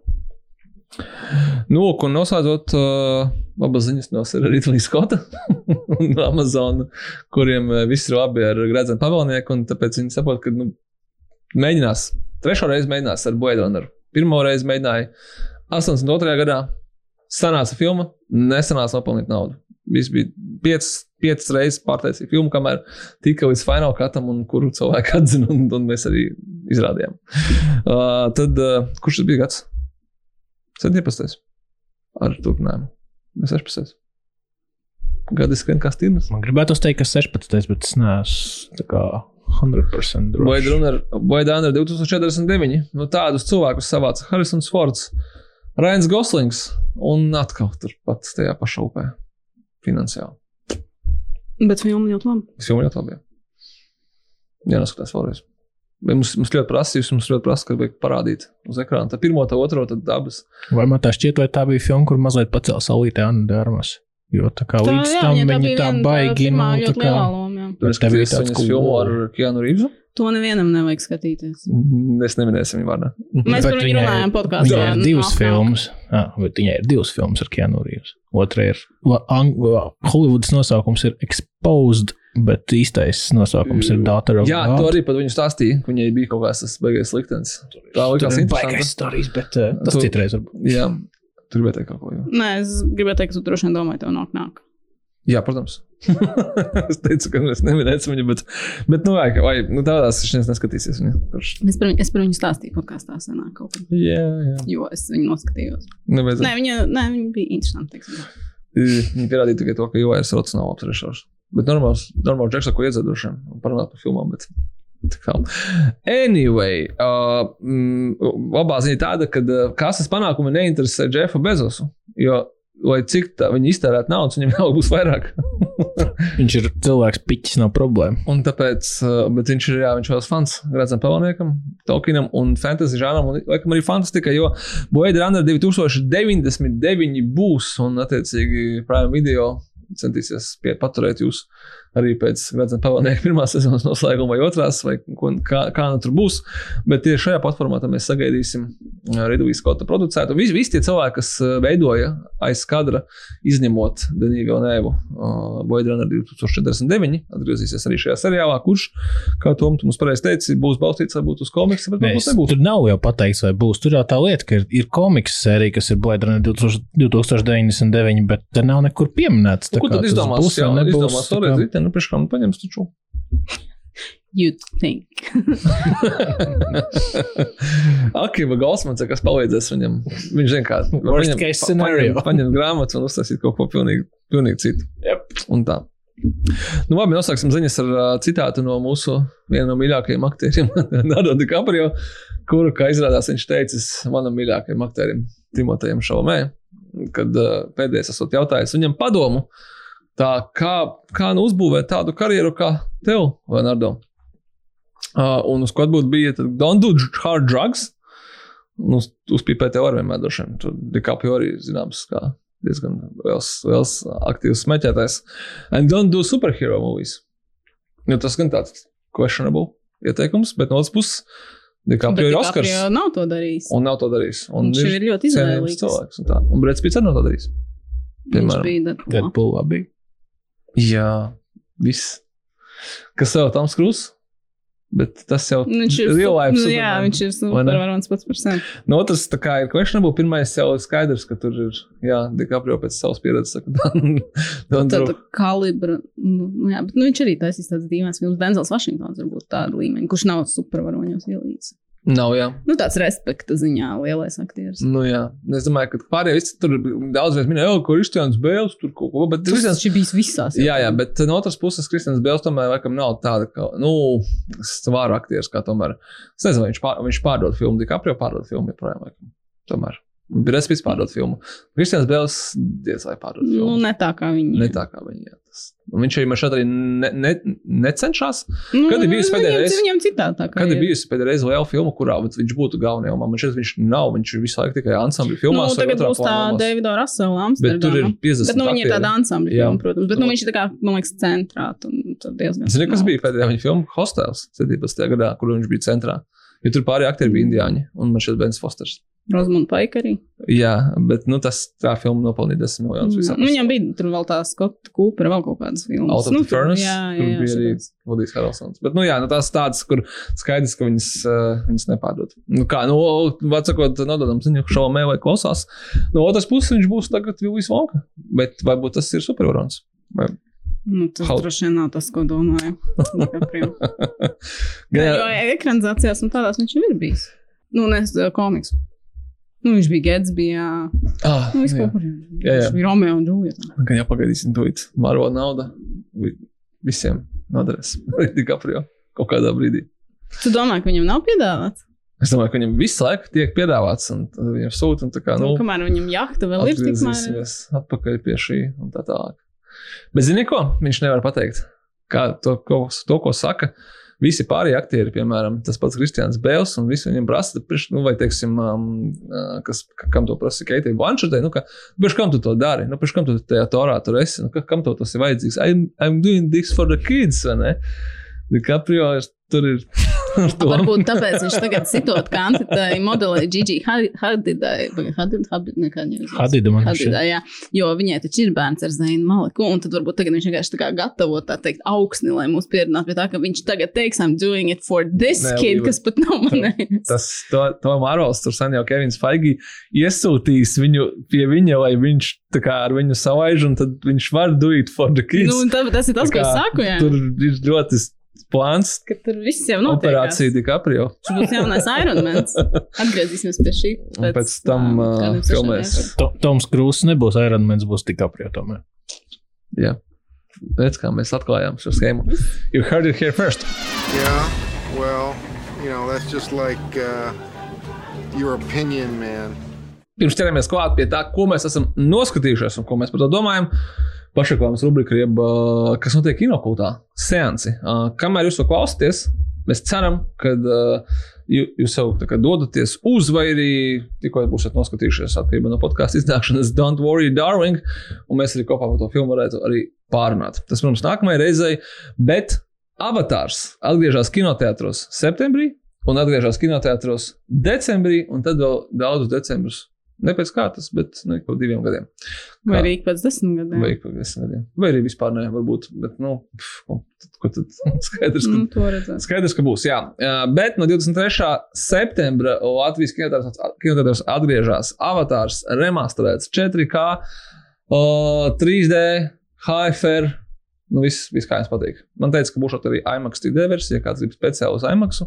Brauciet uz IMAX, ja nē, tad uh, meklējiet vienkārši kinotētros un esiet gatavi avatāra otrajai daļai jau šī gada decembrī. Bet, ja esat tikko aicīgi plānotāji, tad varbūt ieplānojiet sev arī kādu The Shining seansu, jo 12. un 22. oktobrī biļetes jau var nopirkt. Nāciet uz lielā ekrāna Stenlija Kubrika The Shining. Uh, pagaidām abi seansi ir aizsens auditorijā, tā kā izmantojiet to. Uh, un gan jau arī oktobra otrajā pusē būs. Uh, Vēlreiz cīņas klubs un Interstellar un kaut kādas vēl interesantas Warner Brothers filmas no šīs vasaras un rudens. Jo nu, mēs izmantosim situāciju un kaut ko tomēr atkārtosim. Tā kā, ja nepaspējāt noskatīties, nebaidieties, iespēja vēl būs, bet tad gan noteikti nelaidiet garām. Un visbeidzot, laiks ir atcerēties par mūsu trīs reizes pārcelto seansu ar Gregu Sestero. Of the Room fame. Un es ceru, ka jūs esat izlasījuši jau visas savas disastra artistu grāmatas papīra formātā, jo nekādus Kindles jums Gregs Estero neparakstīs 28. oktobrī, kad viņš beidzot būs klāt arī Latvijā, un mēs kopā skatīsimies gan The Room, gan arī viņa režijas projektu Miracle Valley. Šausmu komēdiju. Neskatieties mājās, bet man šeit ka nav arī tādas iespējas. Pagaidām. Nu, lai kā arī būtu, gatavojamies uh, episkajam Room seansam. Uh, un, ja jūs mūs klausāties, un jūs esat mūsu patroni, tad mēs jūs aicināsim uz kādu īpašu patronu seansu. Aicināsim. Par kuru mēs jums iesņosim atsevišķi Ja es esmu patrons, vai man mājas saka, vai es nespoiloju pārsteigumu. Nu, nē, nu, kļūstiet par mūsu patroniem un paši visu uzzināsiet. Un, esat patroni, tad gaidiet mūsu e-pastu par īpašo septembra sēnesi. Bet pārējot pie tā, ko tad mēs esam noskatījuši uz šo laiku, es domāju, ka uzdošu tev. Mums, mums jau intervija priekšā, mums vajag ātri tikt šim- cauri. Cilvēki jau gaida, nevar, nu, ko tad, kā tad tur Jau kā klauvē pie austiņiem. Jā, Es uh, noskatījos uh, Netflix uh, dokumentālo seriālu, kas saucas Cheer. Viņš bija. tas ir par kaut kādu īpaši smieklīgu manieku, jo viņam viss arī par maniekiem vienmēr ir tie dokumentālie. vai par kaut kādiem sliktiem Nē, cilvēkiem? Nē, nu, nu bet redz, vat tur ir tā interesantā lieta. Viņam, tā, viņam ir divas sezonas šim seriālam, un viņš stāsta par uh, tādu uh, koledžu Teksasā, Navarro koledžu, kurai ir ļoti, ļoti spēcīga karsēji cilvēku komanda, jo tur nav tikai karsēji meitenes, tur arī karsēji puiši. Kā, nu, mm. -hmm. Tur, uh, es nezinu, kā viņas ka, karsēji komanda sauksim viņus tā. Un uh, viņiem tur ir nāvīgākā sasensība ar uh, vienu citu koledžu, kas, protams, ir viņiem drausmīgi tuvu. Viņi ir tā kā nu, nacionāla mēroga sasensība, bet, protams, tā kā vienmēr dzīvē gadās tās koledžas ir cik tur 40 jūdžu attālumā viena no otras. Un tad uh, viņi, nu, seko līdzi, kā, kā, kā, kā šai komandai iet, kā viņi tur trenējas. Tur viņiem ir komandā 40 cilvēki, 40 studenti. Nu, tad tas seriāls fokusējas uz kādiem pieciem vairāk, un uh, uz to viņu galveno treneri, Moniku Aldāmu, kas ir uh, tur uh, to pēdējo 20 gadu laikā nu, drausmīgi uzkačājis to programmu. Viņi tur ir izdomājis visādas nenormālas viņiem tur kustības un ko tik vēl ne, un tāpēc viņi arī ir tik veiksmīgi. Un tad, nu, tas jautājums, kas, kāda tur ir tā viņas veiksmes atslēga, un kāda tur tie jaunieši, un kādas viņiem tur grūtības dzīvē, nu, viss kaut kas tāds. Un uh, kāpēc vienkārši par tiem maniekiem ir? Tam seriālam ir divas sezonas. Tā pirmā iznāca 2020. gadā. Uh, Ja es jums tagad drausmīgi nemeloju, uh, un uh, visi par viņu nu, tur rīktīgi runāja. Viņai tur bija, es nezinu, cik sešas sērijas, un visi tur drausmīgi iemīļoja tos personāžus, un uh, viss notikās. Un, un viņi tur, uh, ko tur, kas tur ar Joe Bidenu pat runāja, tur kaut kādos visos talk showos piedalījās. Pēc tam tāpat tā Monika Aldām, tā treneris piedalījās viņu tajā Dancing with the Stars arī versijā. Nu, viņi tā kā, nu, kā jau visi šie, kas aiziet Netflix virālie tie pasākumi, nu, viņi bija visur, tāpat kā tā Tiger King un tam līdzīgi.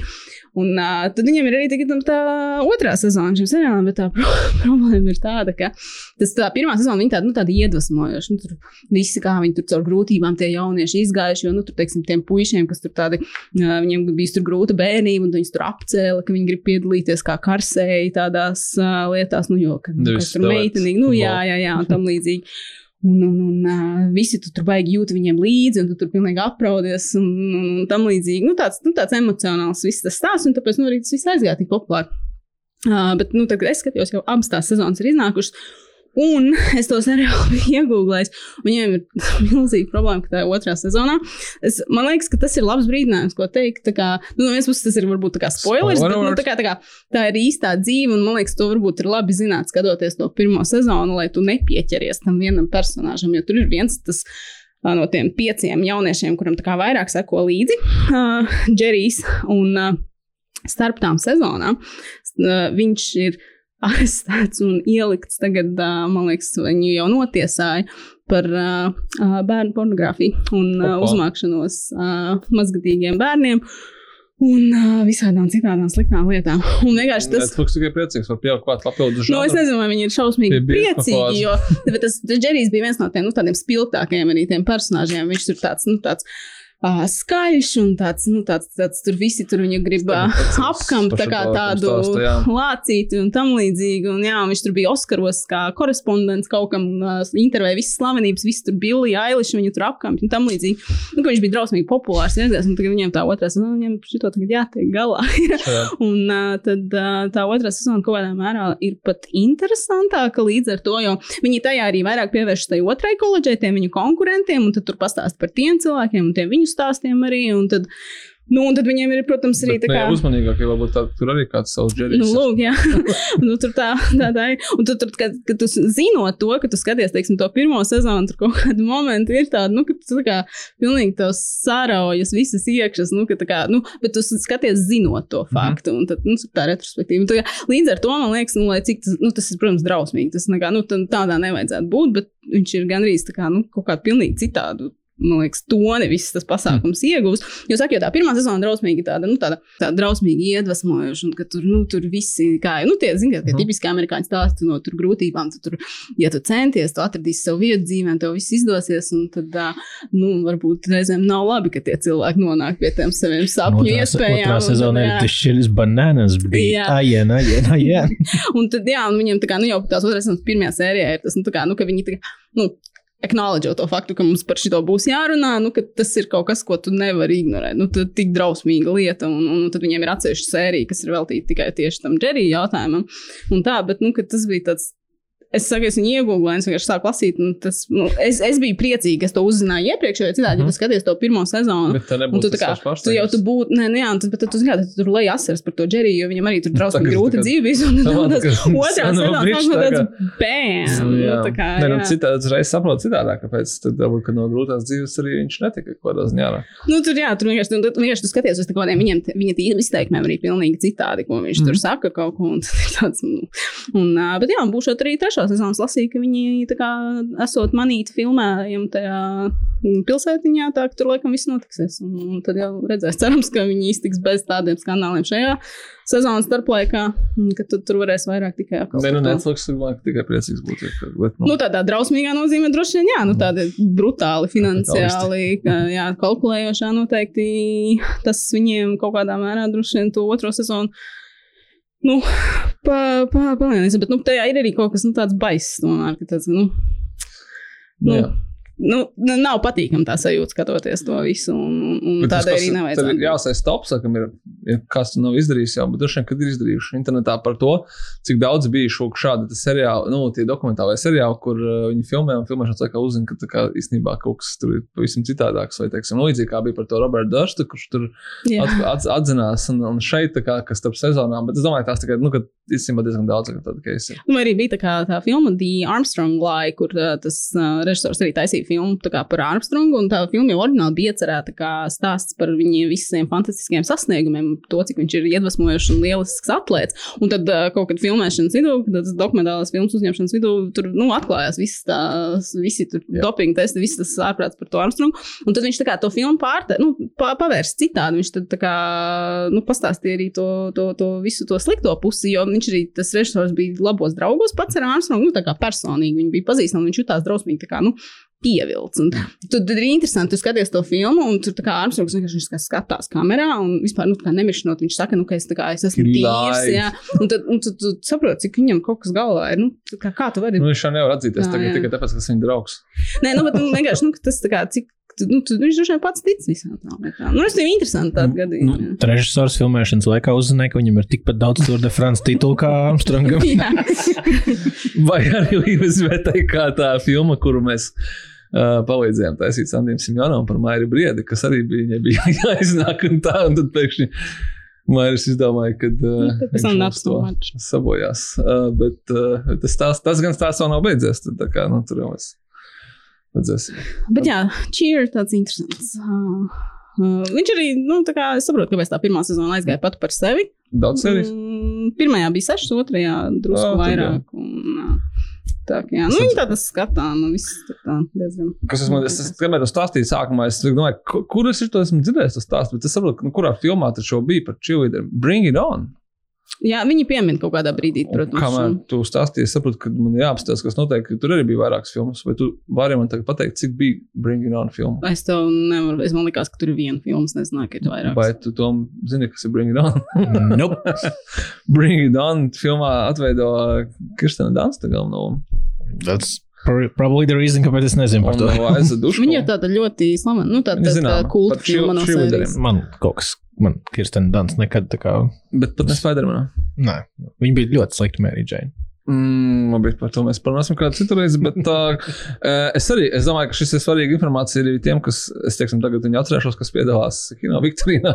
Izrādās, ka Bring It On ir septiņi sīkveli. Uh, bring It On, Bring It On Again, Bring It On or Nothing, Bring It On In It to Win It, Bring It On Fight to the Finish, Bring It On Worldwide Cheers Mac, Tur jau aiziet kaut kādā Alvins un Burunduki. Un uh, Bring It On, Cheer or Die. Uz šo brīdi pēdējā. Keep on bringing it filma, on. Kas iznāca šogad, jā. Uh, Četras no sešām filmām sarakstījusi viena tāpat sieviete, bet nevienā no viņām nekrustojās aktieri un personāži. Tā kā, tā kā bet nu redzēsim, ja mūsu klausās arī Zigis, tad varbūt viņš ieliks kādu jautājumu, uz kuru mēs beidzot varēsim atbildēt līdzīgi kā uz amerikāņu pīrāgu jautājumiem, bet ne uz latviešu kino vai Hitchcocku. Kaut kas vēl ir, ko tu esi noskatījusies? Nu, tagad es sāku, es vēl neesmu pabeigusi, bet es kaut kā savā dzīvē vēl nekad nebiju skatījusies seriālu Flight of the Concords ar uh, jaunzēlandiešiem, uh, Džemēnu Klementu un uh, Bretu Makenziju. Uh, It's business time. jā, un uh, tas seriāls nav jauns, viņš ir uh, 2007. un 2008. Viņam divas sezonas tikai, un tur arī nav ļoti daudz sērijas. Un, tā ka drīz vien jau tad arī pabeigšu, bet es neatceros, kad pēdējā reizē būtu tik šausmīgi daudz no sākuma sasmējusies. Jā, Jā. uh, jo man liekas, es pirmajās divās sērijās jau nu, tā kā līdz asarām brīžiem. Tur ir uh, dziesmas, uh, tur ir tāds viņu tas jaunzēlandes humors. Tas ir tāds, ja jums patīk taiks vai titī humors, tad šis stabili aizies no tā. Tur arī ir taika, un viņš arī, taikam. viņš arī man tā šķiet kaut kādas sērijas palīdzēja rakstīt Džermēnu. Un, un, Man Varbūt, jā, šķiet bet uh, nu, primāri tas ir viņu tas duets. Uh, viņi, jā, viņi tā kā tādas nu, kaut kādas versijas par sevi tur spēlē divi tādi. Uh, mūziķi, kuri jaunzēlandieši cenšas izsisties Ņujorkā, uh, gūt slavu, tikt pie darbiem, tikt pie koncertiem, un tad, nu, kā viņiem tur iet. Uh, tur ir arī uh, uh, viņu menedžeris, uh, tā saucamais uh, Rais Dārbijs, uh, kurš arī jūs viņu noteikti zināt no no, no, no What We Do in the Shadows. Uh, un vēl es kaut kur citur. Nu, tur tāds daudz pazīstams sejas parādās ik pa brīdim. Un, un, un, nu, ir tiešām, tiešām ļoti smieklīgi. Tā, ka, ja jūs arī bijāt dzīvojuši tumsā, tā kā es, jā, tad nu, labojiet šo kļūdu un noskatieties. Tiešām, tiešām ir tā vērts. Es biju ļoti daudz dzirdējis par šo seriālu, bet Jā. nu, kaut kā nekad nebija sanācis. Un tur tās dziesmas, nu, tur viss notiekās. Tiešām tās šoreiz tā slava ir pelnīta. Bet varbūt trīs tu atklāsi es arī It's Sunny in Philadelphia. Es esmu mēģinājis, bet man tas galīgi neaizgāja. Jā, Fight of the Concords ir daudz vieglāk skatīties nekā tas Un sen. arī mazāk serija. Arī. Bet uh, daudz, daudz, nu jau, nu jau daudzus gadus atpakaļ mums ar draugiem, kad bija kaut kāds balīts, neviena balīta nebija iedomājama, ka viņā neskanēs too many dicks on the dance floor. so, paldies, Fight of the Concords. Tur tās dziesmas ir nu, vienkārši. Tas esmu arī, kad bija jānāk tādās balīties bijis, bet mēs nedzirdējām to. Tas bija redzams. bet tā bija tāds citu joka. Jā, es saskatījos uh, Džordža Kuniju un Džojas Robertsona filmu Tikai tu Paradise. Bet daudz nav ko pateikt. Es jau aizmirsu, kas tur notika. Es domāju, ka neviens to filmu neskatās sižeta dēļ. Exactly. Tā kā Tu skaties viņu Džordžu Kūniju un Džulijas Roberts viss cieņa tāda, ka, nu, kad, kad cilvēki at- atnāca kā atstrādāt, bet te pašā laikā, vai tā ir tiešām ir atstrādāšana, ja viņi vienkārši ir, tā kā viņi drīzīgi dod ļoti labu ārā tādu, nu, kā vai pasaka, viņi, nu, nezinu, vai Profesionāļi. Bet es noformulēju to filmu, kad, kad tā, kā, tā ir filma par to, kur ļoti turīgiem cilvēkiem samaksā vēl vairāk naudas par to, viņi aizbrauc uz Bauju, filmēties filmā, par kuru mēs, kuriem nav naudas, aizbraukt uz Bauju, vēl samaksāsim viņiem, lai noskatītos, kā viņiem maksā par to, ka viņi brauc uz Bauju, lai vienkārši būtu paši. Bet no otras puses viņiem, viņiem, viņiem bija garš ceļš, lai kļūtu par tiem cilvēkiem, kurus tā Nu, bet vajag Apmaksā? mācīties. Mācīt tā iekārtoties. So, jā. jā. tur ir. Tur, tur tā. Tur kaut kāda incidenta morāla tie filmē, bet es vienkārši negribu spoilot viņai un arī baigi stāstīt, kur kā, es ka nesaprotu un nepiekrītu. Nu, arī tā kā, nu, arī, tā kā, oh, well. viss, bija, viss beidzās labi un tā tālāk. Un, uh, un es biju uz īpašo dāmas seansu, tur bija Roberto, kurš dzirdēja divas dziesmas, sākuma seansu un nu, prezentācijas sākumā un beigās, un tad bija konkurss uz 40 minūtēm. Neviens nesūdzējās par to vispār. Neviens nekavējās, kad buģīt filmu vai kaut kā tam līdzīga. Tāpēc, ka viņš dziedāja nevis tā kā Pre- tu ko, nu, prezentācijas nebija tikai konkurss uz 40 minūtēm, bet bija balvas, daudz balvas, bija daudz jautājumu, divas dziesmas. Bija ko pamācīties. Bet vai jūs gribat līdz dziedāt? Bet nebija, ne, nebija toples vīrieši. Nē, tāpēc vīrieši tie būs tikai. Rieties mūsu sensors, tas tā kā negribu jums arī solīt, jo nevajag uzsvērt kā, kā kaut kādu veidu sojumu. Bet, nu, varbūt arī. Anyway, Tad tam tev beigās jāpieliek disclaimers. Disclaimers. jā. Šis, tā kā mēs runājam, nav bet mēs legally binding. Nekas, kas tiek piet- teikts šajā podkāstā, nav tā kā zonīts. Saistošs. Uh, bet, jā, bet, uh, zin kā, viņiem kaut kur visur bija, ka Empire 3 no 4, laikam, kaut kas tāds, es tā kā, nu, absolūti piekrītu, ka, tā kā, tad, nu, bet, nu, tur viss, viss forši safilmēts. Balī. uh, es nostājos filmu par pirātiem Cutthroat Island, kurus esmu redzējis daudz reizes jau. Vien redzēšu vēl, ļoti foršu filmu. Ar uh, Džinu Deivisu galvenajā lomā. Bet es gribēju teikt, tā, ja kāds kādreiz domā, ka pēc mums kaut kāda kino kaut kā posta parādās par vecām filmām, tad viņi radās otrādi. Teiksim, es nostājos filmu, tad man liekas, ka kā, kaut kā viņi ir jāiestūķē komunikācijā, un tad es viņu. Tā jau ir tā viena no tām slavenajām, drausmīgajām flop filmām. Jā, jā, viņi tā kā. Tā vēsture ir uh, gandrīz slavenāka par pašu filmu, man liekas. Arī režisors Renijs Hārvans, kur mēs jau pieminējām, bet tas nav laikam kaut kā nesaistīts. Sanāca. Uh, tur bija ļoti interesanti, jā, studija, kuru viņi taisīja, iesaku pameklēt. Par studiju domāju, vai, vai ir grāmata vai nav, bet ir ļoti daudz grāmatas par visām filmām, kas tika uztaisītas vai netika uztaisītas, un tur tas tiek pieminēts. Un Tās ļoti īsti cilvēki rīktīgi tērē daudz naudas un nedomāja par to, ko viņi tērē. Viņiem bija Terminators 2, viņiem bija otrais Rainbow, viņiem bija pamatinstinkts un uh, daudzas citas 90. gadu filmas, kas pelnīja milzīgu, milzīgāko naudu tajā laikā. Un viņas nāca no studijas Karoko, bet viņi tērēja, diemžēl, vairāk nekā viņi pelnīja. Līdz ar to viņiem bija, es viņiem nekad nepiedošu klausies, bet no vienas puses man ļoti patīk Katro Tailandu. Tā ir 95. gada filma, un lielākā daļa tajā filmā ir uzbūvēta vai nu pa īstam, kuģus vienkārši viņi būvē kuģi, pēc tam viņi to kuģi spridzina vai slīcina. Nu, tā kā normāli, nekādus CGI efektu. Uh, un no otras puses ir būvēts miniatūras, tur kaut kāds cietoksnis, tad viņi uzbūvē tādu Lord of the Rings cienīgu miniatūru, un tad viņi spridzina tos. Nu, tas tagad forši. Uh, Dažiem beig nomocījās, bet vismaz mūsdienās CGI laikam ļoti labi izskatās, tāpēc, ka tiešām tas viss ir būvēts pa īstam. Bet uh, viņi uz to laiku, kad viņi to filmu gatavoja, viņi bija jau gandrīz, tā, tā, kā gandrīz aizgājuši pa burbuli. Tā, ka vienkārši viņi maksāja šausmīgi daudz. Uh, Kas tas bija tāds par otru terminatoru, kurš Varsnēgram samaksāja 20 miljonus un lidmašīnu uzdāvināja? tas nav joks. Viņš paprasīja 20 miljonus honorāru un lidmašīnu privāto to, no to mazo, un viņam arī to iedeva. Nu, respektīvi, tā, nu, viņi domāja, ka viss atpelnīsies, un, un diemžēl tā kā neatpelnījās. Viņiem palika nauda vienam projektam, un viņiem bija divi scenāriji. Viens bija Paula Verhovena filma Crusade ar Schwarzeneggeru, kurie jau kaut kādi cilvēki sāka zobenus kaut un tur kaut kādas taisīt lietas. Viņi tad bija.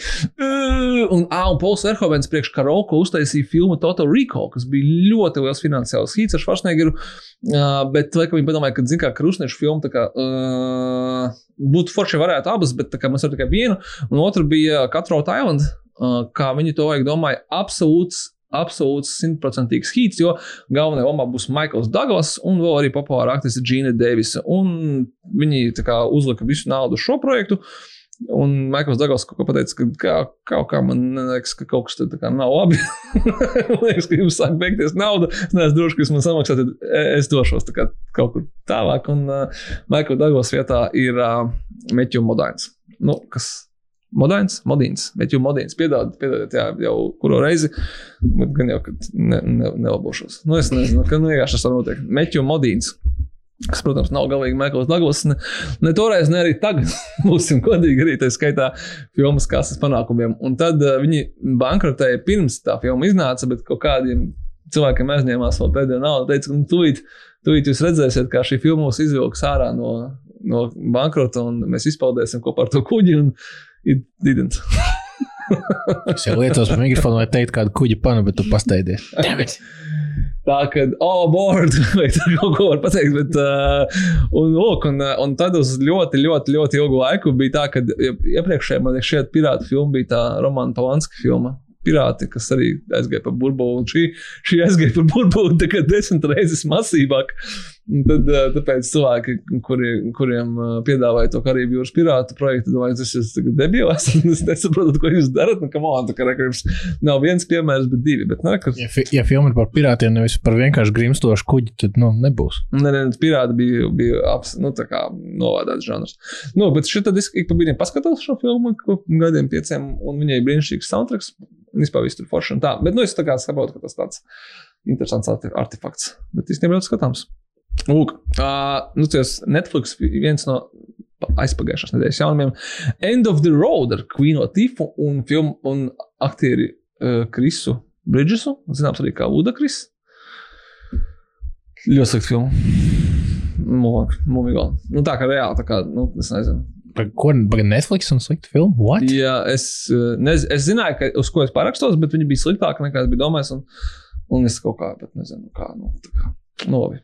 Neko. Es domāju, ka viņai jau ir veltīts vairāk vārdu nekā viņa ir pelnījusi. Jā, man nav pat. Ah, nē, viena, es pateikšu tā, filma ir par to, kā, kā cilvēks, nu, skaidrs, ka, uh, ko pareizi pasakāt, ja tu atrodi, ko, ko mums iemācīja jau brāļa Koeni un, un uh, No Country uh, for Old Men, ja tu atrodi kaut kur narkobaronu ar daudz dolāriem, ir jau 50% iespējamība, ja tu vienkārši viņai blakus atrodies, ka tevi novāks, nu, just in case, ka tu viņu esi redzējis. Tā kā par to, ka tu viņu savāc un ķipa paslēp kaut kur un ņem līdzi, vispār aizmirstam. Tā kā, ja atrodat naudu, tad kāda viņam, kāda viņa pieder, vienkārši beidziet prom no viņas, nopelnīsiet savu naudu, ja arī nebūs vairs iespējas neko nopelnīt. Šeit, protams, notiek, nu, klasiski, ka tā nauda tiek paņemta līdzi, pēc tam vēl tiek melots, ka viņas viņiem nav. Un tā, un tā filma ļoti, ļoti tāda, nu, ļoti pliekana un skaita tipiski Netflix filmu. Un tad ir pēdējā kauja ar to narkobaronu, un pēkšņi ir nenormāli gory efekts, kur cilvēkam iešauja ar šotganu galvā, un tā galva sašķīst kā arbūs. Es domāju, what the fuck? Kas notiek? Tajā filmā nebija praktiski asinis līdz tam brīdim. Es domāju, nu, tā kā tu skaties, domā, nu, tāda, cipa, nu, nu tāds trillerīts, tur skaidrs, kaut kā tur, tur bija šī pašaudās kaut ko, pēkšņi vienkārši ir kaut kāds nenormāls gory efekts. Un tas bija vienīgais pārsteigums tajā filmā. Varbūt viņi saprata, ka, kad uztaisīja, ka kaut ko vajag kaut kā tos cilvēkus pārsteigt. Tā. tā es biju, e, kur ir konkrēti pretenzijas, es ļoti primitīvs sižets. Un tā, ka skaties, domāju, tā fuck, kāpēc, kāpēc tik primitīvi? Nu, mēs esam jau, jau pārdzīvojuši to, ka tu, nu jā. Nu, un e, visu daudzo filmu vietā, kuru man vajadzētu noskatīties, kuras jūs esat rakstījuši, ka man vajadzētu noskatīties, un es esmu to dzirdējis. Es noskatos pa otram lāgam filmu Harkovs no 2014. gada ar Dvēnu Džonsonu galvenajā lomā. Un es nezinu, kāpēc es to izdarīju. Es nevaru izskaidrot. Bet kaut kādu laiku man stāvēja, stāvēja galvā, kad man vajag pārskatīt to filmu. Varbūt, ka tur bija kaut kas, ko es toreiz nepamanīju. Tā bija mm, diezgan viduvēja filma. Man liekas, mēs zinām atbildēt šo jautājumu. es reāli nesaprotu, kāpēc viņi uztaisīja to filmu. Nu, tā, tas bija tā, es tagad tā, tā apsvērti apskatījos, jo toreiz mēs tā kā bišķi gaidījām. Bet, zin kā, ar The Rock mēs jau cerējām, ka kaut kas tur būs. Okay, Brets Ratners tā kā tāda milzīga, zina, ka uh, kaut kas nu, būs viduvējība un tā tālāk. Oh, es biju aizmirsis, ka filma ir šī gan ir rītīgi asņēna filma. Un tur ir krūtis, kaujas, ainas un tāda. Nu, kā, kad, kad... Bet vai tur kādam šķiet pāri šatgan? Nē, bet tur ir uh, The Rock ar milzīgu vāli, kurš kā, tur viss vienkārši vālē. Tur ir uh, tā ir komiks ekranizācija. Nevis uh, senu, senu grieķu mītu, bet komiksa. Un tā, ka, tā viņas galvenā doma bija tāda, ka īstenībā jau tas uh, Heraklis Herkules nebija nekāds pārcilvēks, un tas viss bija izdomāts, un tie visi viņa varoņdarbi bija izdomāti, un tas bija tā kā, tāds tā kā māns triks, ko viņš bija izspēlējis ar seniem cilvēkiem. Es domāju, Is it a good idea? Nu, tā, tā, tad skat, nu, tā kā viss skaties, kas notiek, un tā kā, hmm, nu jā, tagad esmu pilnīgi droši var pateikt, ka tā filma ir ļoti savāda un neizdevusies. Tā ir arī jā, pēdējā Breta Ratnera režisētā filma, un es domāju, tā ir ļoti laba lieta, ka mēs viņu vairāk. Nē, nu neskad, neskādēļ tā. Nu, jā, bet, zināmā mērā, tur ir ļoti daudz. Nu, ne tikai. tur ir nu, jā, tas tāds moments, kur ir atkal skaties. Šo, šo filmu laikam es varētu uh, nosaukt par tādu, kā esmu vairāk šeit teicis, žanrs, tipa episkie faili, ka kā, naudas ļoti daudz aktieri ļoti daudz labi. Tur ir Jans Hurts, tur ir The Rock, tur ir Rebeka Fergusone, tur ir uh, Rufus Svies, tur ir diezgan daudz foršu aktieru. Tur ir pārsteidzoši labi uztaisītas uh, cīņas, uh, nu, tās kauju ainas ar daudziem cilvēkiem, nevis CGI cilvēkiem, bet īstiem cilvēkiem. Un tur ir, man liekas, Viks Armstrongs kā second unit director. Nu, tas nav Breta Ratner nopelns, tas ir ļoti leģendāra šī te uh, Hollywoods kaskadieru uh, Vika Armstronga, kurš ir strādājis pie Jamesiem Bondiem daudz kā vēl. Nu, skaidrs, ka un, uh, viss tur ir baigi forši, bet saturiski kaut kas pilnīgs sviests un, un, uh, un tad nesaliekās kopā un tas beigās nosīt un atpakaļ kam. Kā, nu, nu, jā. Nu, vai nebūtu skumīgi tam izstāstīt, kas, ko tu esi nostājies, ko tu vari ieteikt citiem cilvēkiem? Vai būtu tieši otrādi neieteikt? Es tikai House of the Dragon skatos. Nu, tas jau, tas jau. Tur mums būs jāuztais podkāsts ar kādu Tieši tāpēc es neko neteikšu. Tagad. speciāli, uh, ne speciāli, bet uh, ekspertu house, Game of Thrones. Vai skatītāji to gan mēs varam apsolīt. Bet mēs zinām, ka mums ir vēl vismaz 5 sērijas. 5 nedēļas, ko domāt par to, kamēr neiznāks viss. Varbūt tā ir obīdē, ka vajag, vajag iznāk visa sezona. Un tad būs iznākusi arī Ordas Rings visa sezona. Un tad mēs uztaisīsim epic battle no šiem seriāliem. Tad jau arī būs Ziemassvētki. Oh, I'm sorry. Did I break your concentration? Un kā jau solīts, ja tikāt podkāstā līdz šim brīdim, tad uh, piedāvājam jums uh, interviju ar aktrisi Koniju Nilsenu. Uh, par šo mēs sakām lielu jau paldies mūsu draugiem no straumēšanas platformas Vieplay, kur arī ir pieejams, uh, un uh, līdz ar šo podkāstu šim būs pieejama arī trešā sērija seriālam, uh, kurā Konija Nilsena atveido galveno lomu sapņotāja kļūt par Karenu Bliksenu. Seriāls ir balstīts uz patiesiem notikumiem par uh, ļoti slavenu dāņu rakstnieci Karenu Bliksenu. Ļoti slavenu Dānijā man viņa bija mm, kaut kāds pārsteigums. Es nezināju to, bet īstenībā tas ir ļoti interesanti, tāpēc, ka pateicoties tieši šādiem seriāliem, mēs jau arī uzzinām ne tikai par uh, tur amerikāņu vai britu, kā tas bija agrāk uh, slaveniem cilvēkiem, bet arī pateicoties traumēšanas servisiem un šādiem seriāliem par cilvēkiem no citām valstīm. Uh, un seriāls, kas ļoti interesanti, nav angļu valodā, viņš ir dāņu un poļu, poļu valodās. Un arī par to šo te ļoti interesanto traumēšanas sēriju efektu mēs ar Koniju reizi arī parunājam. Bet jā, seriāls stāsta par šo te rakstnieci Karnu Bliksenu, kas ir pēc 17 Kenijā pavadītiem gadiem kur viņa dzīvoja un strādāja, viņa izdara pašnāvību, bet viss beidzās labi.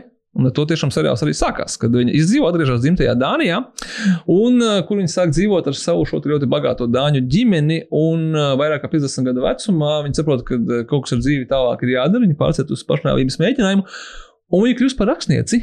Un pēc tam viņas darbi tiek izdoti simts pasaules valstīs. Un tas ir liels veiksmes stāsts. Bet nu, to jūs visi uzzināsiet seriālā, kurš, kā jau minēju, ir uh, domāts tiem, kam patīk, piemēram, uh, Britu BBC seriāli, Downtona Sabatī un tādi visi, kurš sēž aristokrāti un izspēlē kaut kādas savas aristokrātu drāmas. Man personīgi ļoti, ļoti patika. Nu, lūk, uh, pirms jūs uh, klausāties interviju, es uzreiz pateikšu tā. Reti tas tā ir, tāpēc, ka šī lieta jau sen tiek darīta, bet es citreiz nenormāli satraucos. Un katru reizi, kad ir jāintervē cilvēki, pie tam tādi, kurus mēs tikko redzējām Gladiatorā un citās jau manas pieminētajās filmās, un Wonder Womanā, un Zekas nedara Justice League, tad uh, man ir satraukums, tāpēc man uzreiz man ir kauns par savu dažreiz balsi, un es Lai gan es diezgan pamatīgi gatavojos tajā intervijai, un man bija izrakstīti vairāk jautājumu, nekā es varētu uzdot. Ja mums bija skaidrs, ka būs tikai 15 minūtes. Pie tam sākumā bija ļoti interesants kāzus, kur uh, izrādās, ka uh, šie profesionālie Hollywoods cilvēki nespēja uztaisīt zūmā atsevišķas istabas. Tāpēc es, būdams ļoti, ļoti nu, kā, apzinīgs cilvēks, ienācu kaut kādā istabā, kur jau cits cilvēks runāja, un tas, zin, kā, vēl radīja neveiklību, un es jau tā tur biju pārsatraucies. Tāpēc, uh, man ir jāatvainojas jā, par savu neveiklo dažreiz uh, angļu valodu, bet viss ir kārtībā ar atbildēm. Tur gan uh, ir ļoti viss uh, skaisti un pozitīvi un tā tālāk. Nesolu, ka nākamajās intervijās būs labāk. Dažreiz arī man latviešu nesaprot cilvēki. Nu. Nu, kaut kā tā, bet nu, mēs jau vienmēr cenšamies laboties. Tā kā izbaudiet interviju ar Koniju Nilsoni un skatieties sapņotāju platformā biepoja.lv. Thank you, Connie, for this opportunity. It's a great honor for us. And uh, thanks to Viaplay for providing also uh, with the screeners for The Dreamer. So I had a chance to see the first two episodes already. It's a great series. Thank you. And uh, my first question is for you uh, about this series is uh, what did attract you the most uh, in this role of Karen Blixen? I really felt that there was an important amount of information about Karen Blixen that the audience did not know about. That is new uh, information, new research that has come out. And I felt that her situation was something that could be inspirational for a lot of people. People arrive many times into their mid to late 40s and they wonder what happened to their lives. Like, how did time go so fast? How did they not achieve everything they wanted? Or did they in fact do what they really wanted did they in fact become who they really wanted to become and and i felt like that karen's story could actually be inspirational in telling people, well, guess what? This iconic writer, this person who uh, has sold uh, her books in all over the world and continues to inspire people. Well, she didn't become that writer until she was 47, and she she became that writer having lost everything. She found this the her true voice at a at a moment in her life when she basically had decided that she would rather die than have to continue as a beggar in life. And to me, that was the story I wanted to tell. Thank you. I think it was really powerful. And uh, my next question is a little bit long, but it is uh, related to this series. And uh, I'm going to read it just. Uh, because as far as I can remember, especially as a film fan uh, following your career, then uh, working in Hollywood, it used to be the ultimate goal for the actors because to reach the worldwide wide audience, you have to film in Hollywood, be it films or series, and possibly do it in English, and only then your work can reach the widest possible audience. But nowadays, uh, especially with the advancements of the, all the streaming services such as Netflix, HBO Max, and also Viaplay, of course, uh, nowadays those streaming services produce a lot of local content, uh, most of it in, even in non-English, that uh, and this content can reach the widest possible audience through those streaming services. And uh, my question is, uh, does uh, this situation impact your choice of roles? And if it does, how it impacts it? I am absolutely convinced that our series would not have been possible 10 years ago. Um, where we speak a, a, mixture of Danish and English, and uh, uh, it, it it would not have been possible to have such a big um, uh, uh budget for such a thing without the streaming services, for sure. So the streaming services are, I think, overseeing um, a period of creative revolution and uh, a creative innovation. Um, and I think really also, as you said yourself, um, presiding over a return uh, to local uh, culture. And in such a way that it's enriching everybody because, you know, we all are uh, like are curious about other countries. I hope, you know, I'm curious about other uh, countries. I remember I saw like I think it was either a Polish or I, I don't remember, but like there was this great um, series that ran somewhere called like Police uh, or the Police or something, and it was so well done and was so well acted. And I didn't understand a word they said, but there were English subtitles, and I was just you know it I, it really is very powerful that you're able to to see all of these local uh, series on a, on a platform that is international yeah because uh, i did not uh, know i was not aware, of karen before and i was very happy to get to know her through this uh, series and i was very happy that it was produced in uh, many languages and i can see that actors can be more organic and they don't have to uh, do it all in english so it's great and i hope that this trend continues. Uh, but uh, if I may ask regarding your uh, previous work, uh, I think as many my contemporaries also here in Latvia, we first become aware of your work uh, through the Ridley Scott's Gladiator. Uh, that was my first time meeting you on the screen, and I guess you had been asked a lot of questions about this film. but uh, a few months ago, we had an anniversary, anniversary screening here in Latvia that uh, I personally hosted. And I just wanted to ask, is it true that uh, what they say on the internet that uh, you consulted the filmmakers uh, regarding ancient Roman history on this movie a lot of times? And uh, was this production as chaotic as they now say it was? So uh, the production itself was not chaotic, but the writing process was certainly fraught. I, there were many, many different writers on this, uh, uh, both credited and now uncredited um, writers on this. And yes, Ridley is a very collaborative director, and so he asked uh, he asked my uh, thoughts, and then I started telling him. He's like, "Stop! Stop! Stop! Stop! Stop! Stop! Can you write them all down?" And so I wrote them all down, and then you know, um, then I sent them to him, and then I thought I had been fired when I didn't hear from him for three days and uh, then I was call I was calling the office at Shepperton Studios, like asking, like, um, is Ridley going to call me back regarding my um, 20 pages of notes? Um, and uh, and uh, and they're and she was like, you know, yes, he's going to call you right back. And at the third call, I was like, okay, can you just tell me if I've been fired? Because honestly, I can't take it anymore and she was like laughing and she's like hold the line for a second and then ridley came on the line and he was laughing no connie you're not fired i'm just trying to remove some of your more offensive language so that we can actually incorporate it into the the story. And of course the funny thing was that there were a lot of quotes in there and a lot of things that i'd written down and all of those went to the guys or to the male actors not to me but you know that that but yes that's true. Yeah. Okay.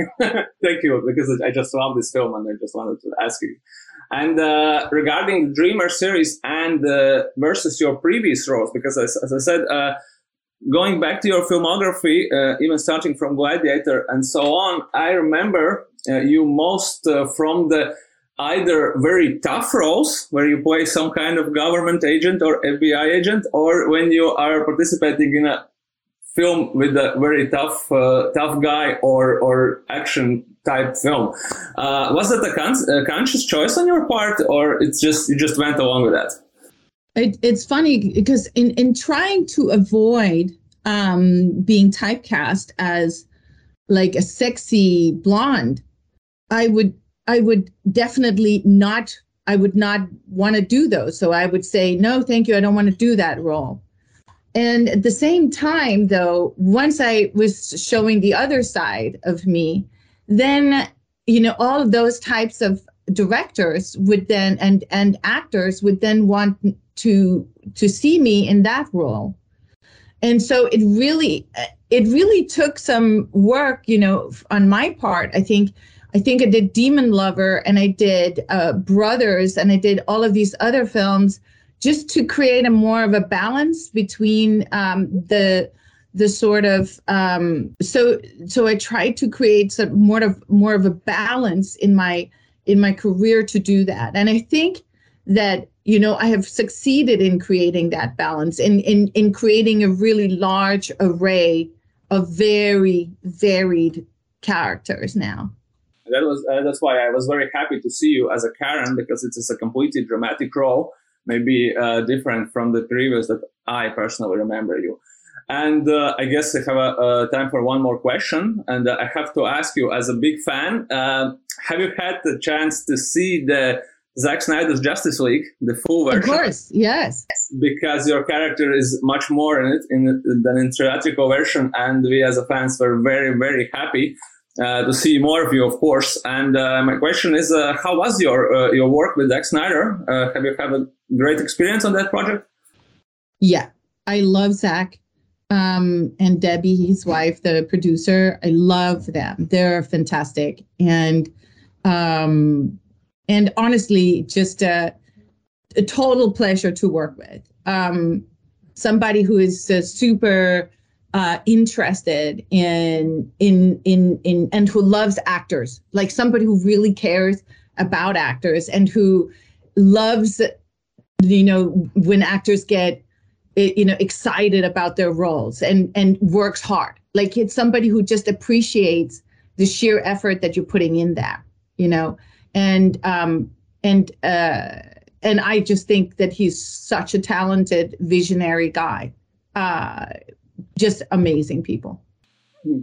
Thank you very much, and uh, I hope to also see you as Hippolyta in uh, Wonder Woman three, or uh, or uh, whatever Patty Jenkins is cooking up. It's it's uh, yeah. going to be great. I think.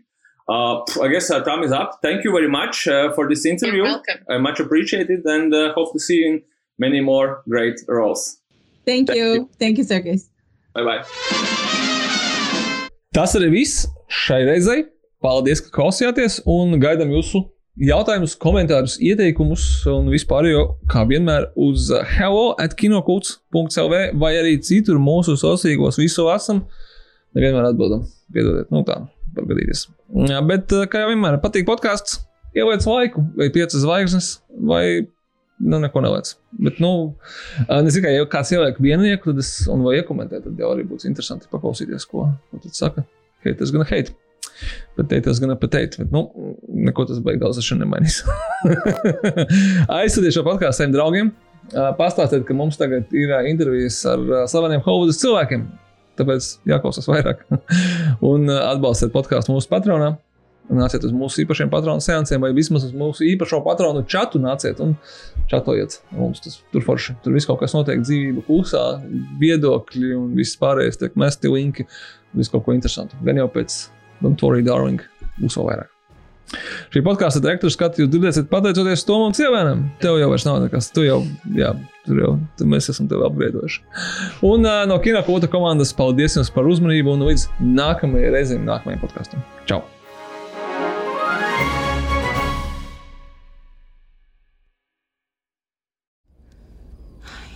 Tired of being strong. My brother hates all the world. And you most of all. Because your father chose me. No. Because my father loved you. And because I loved you.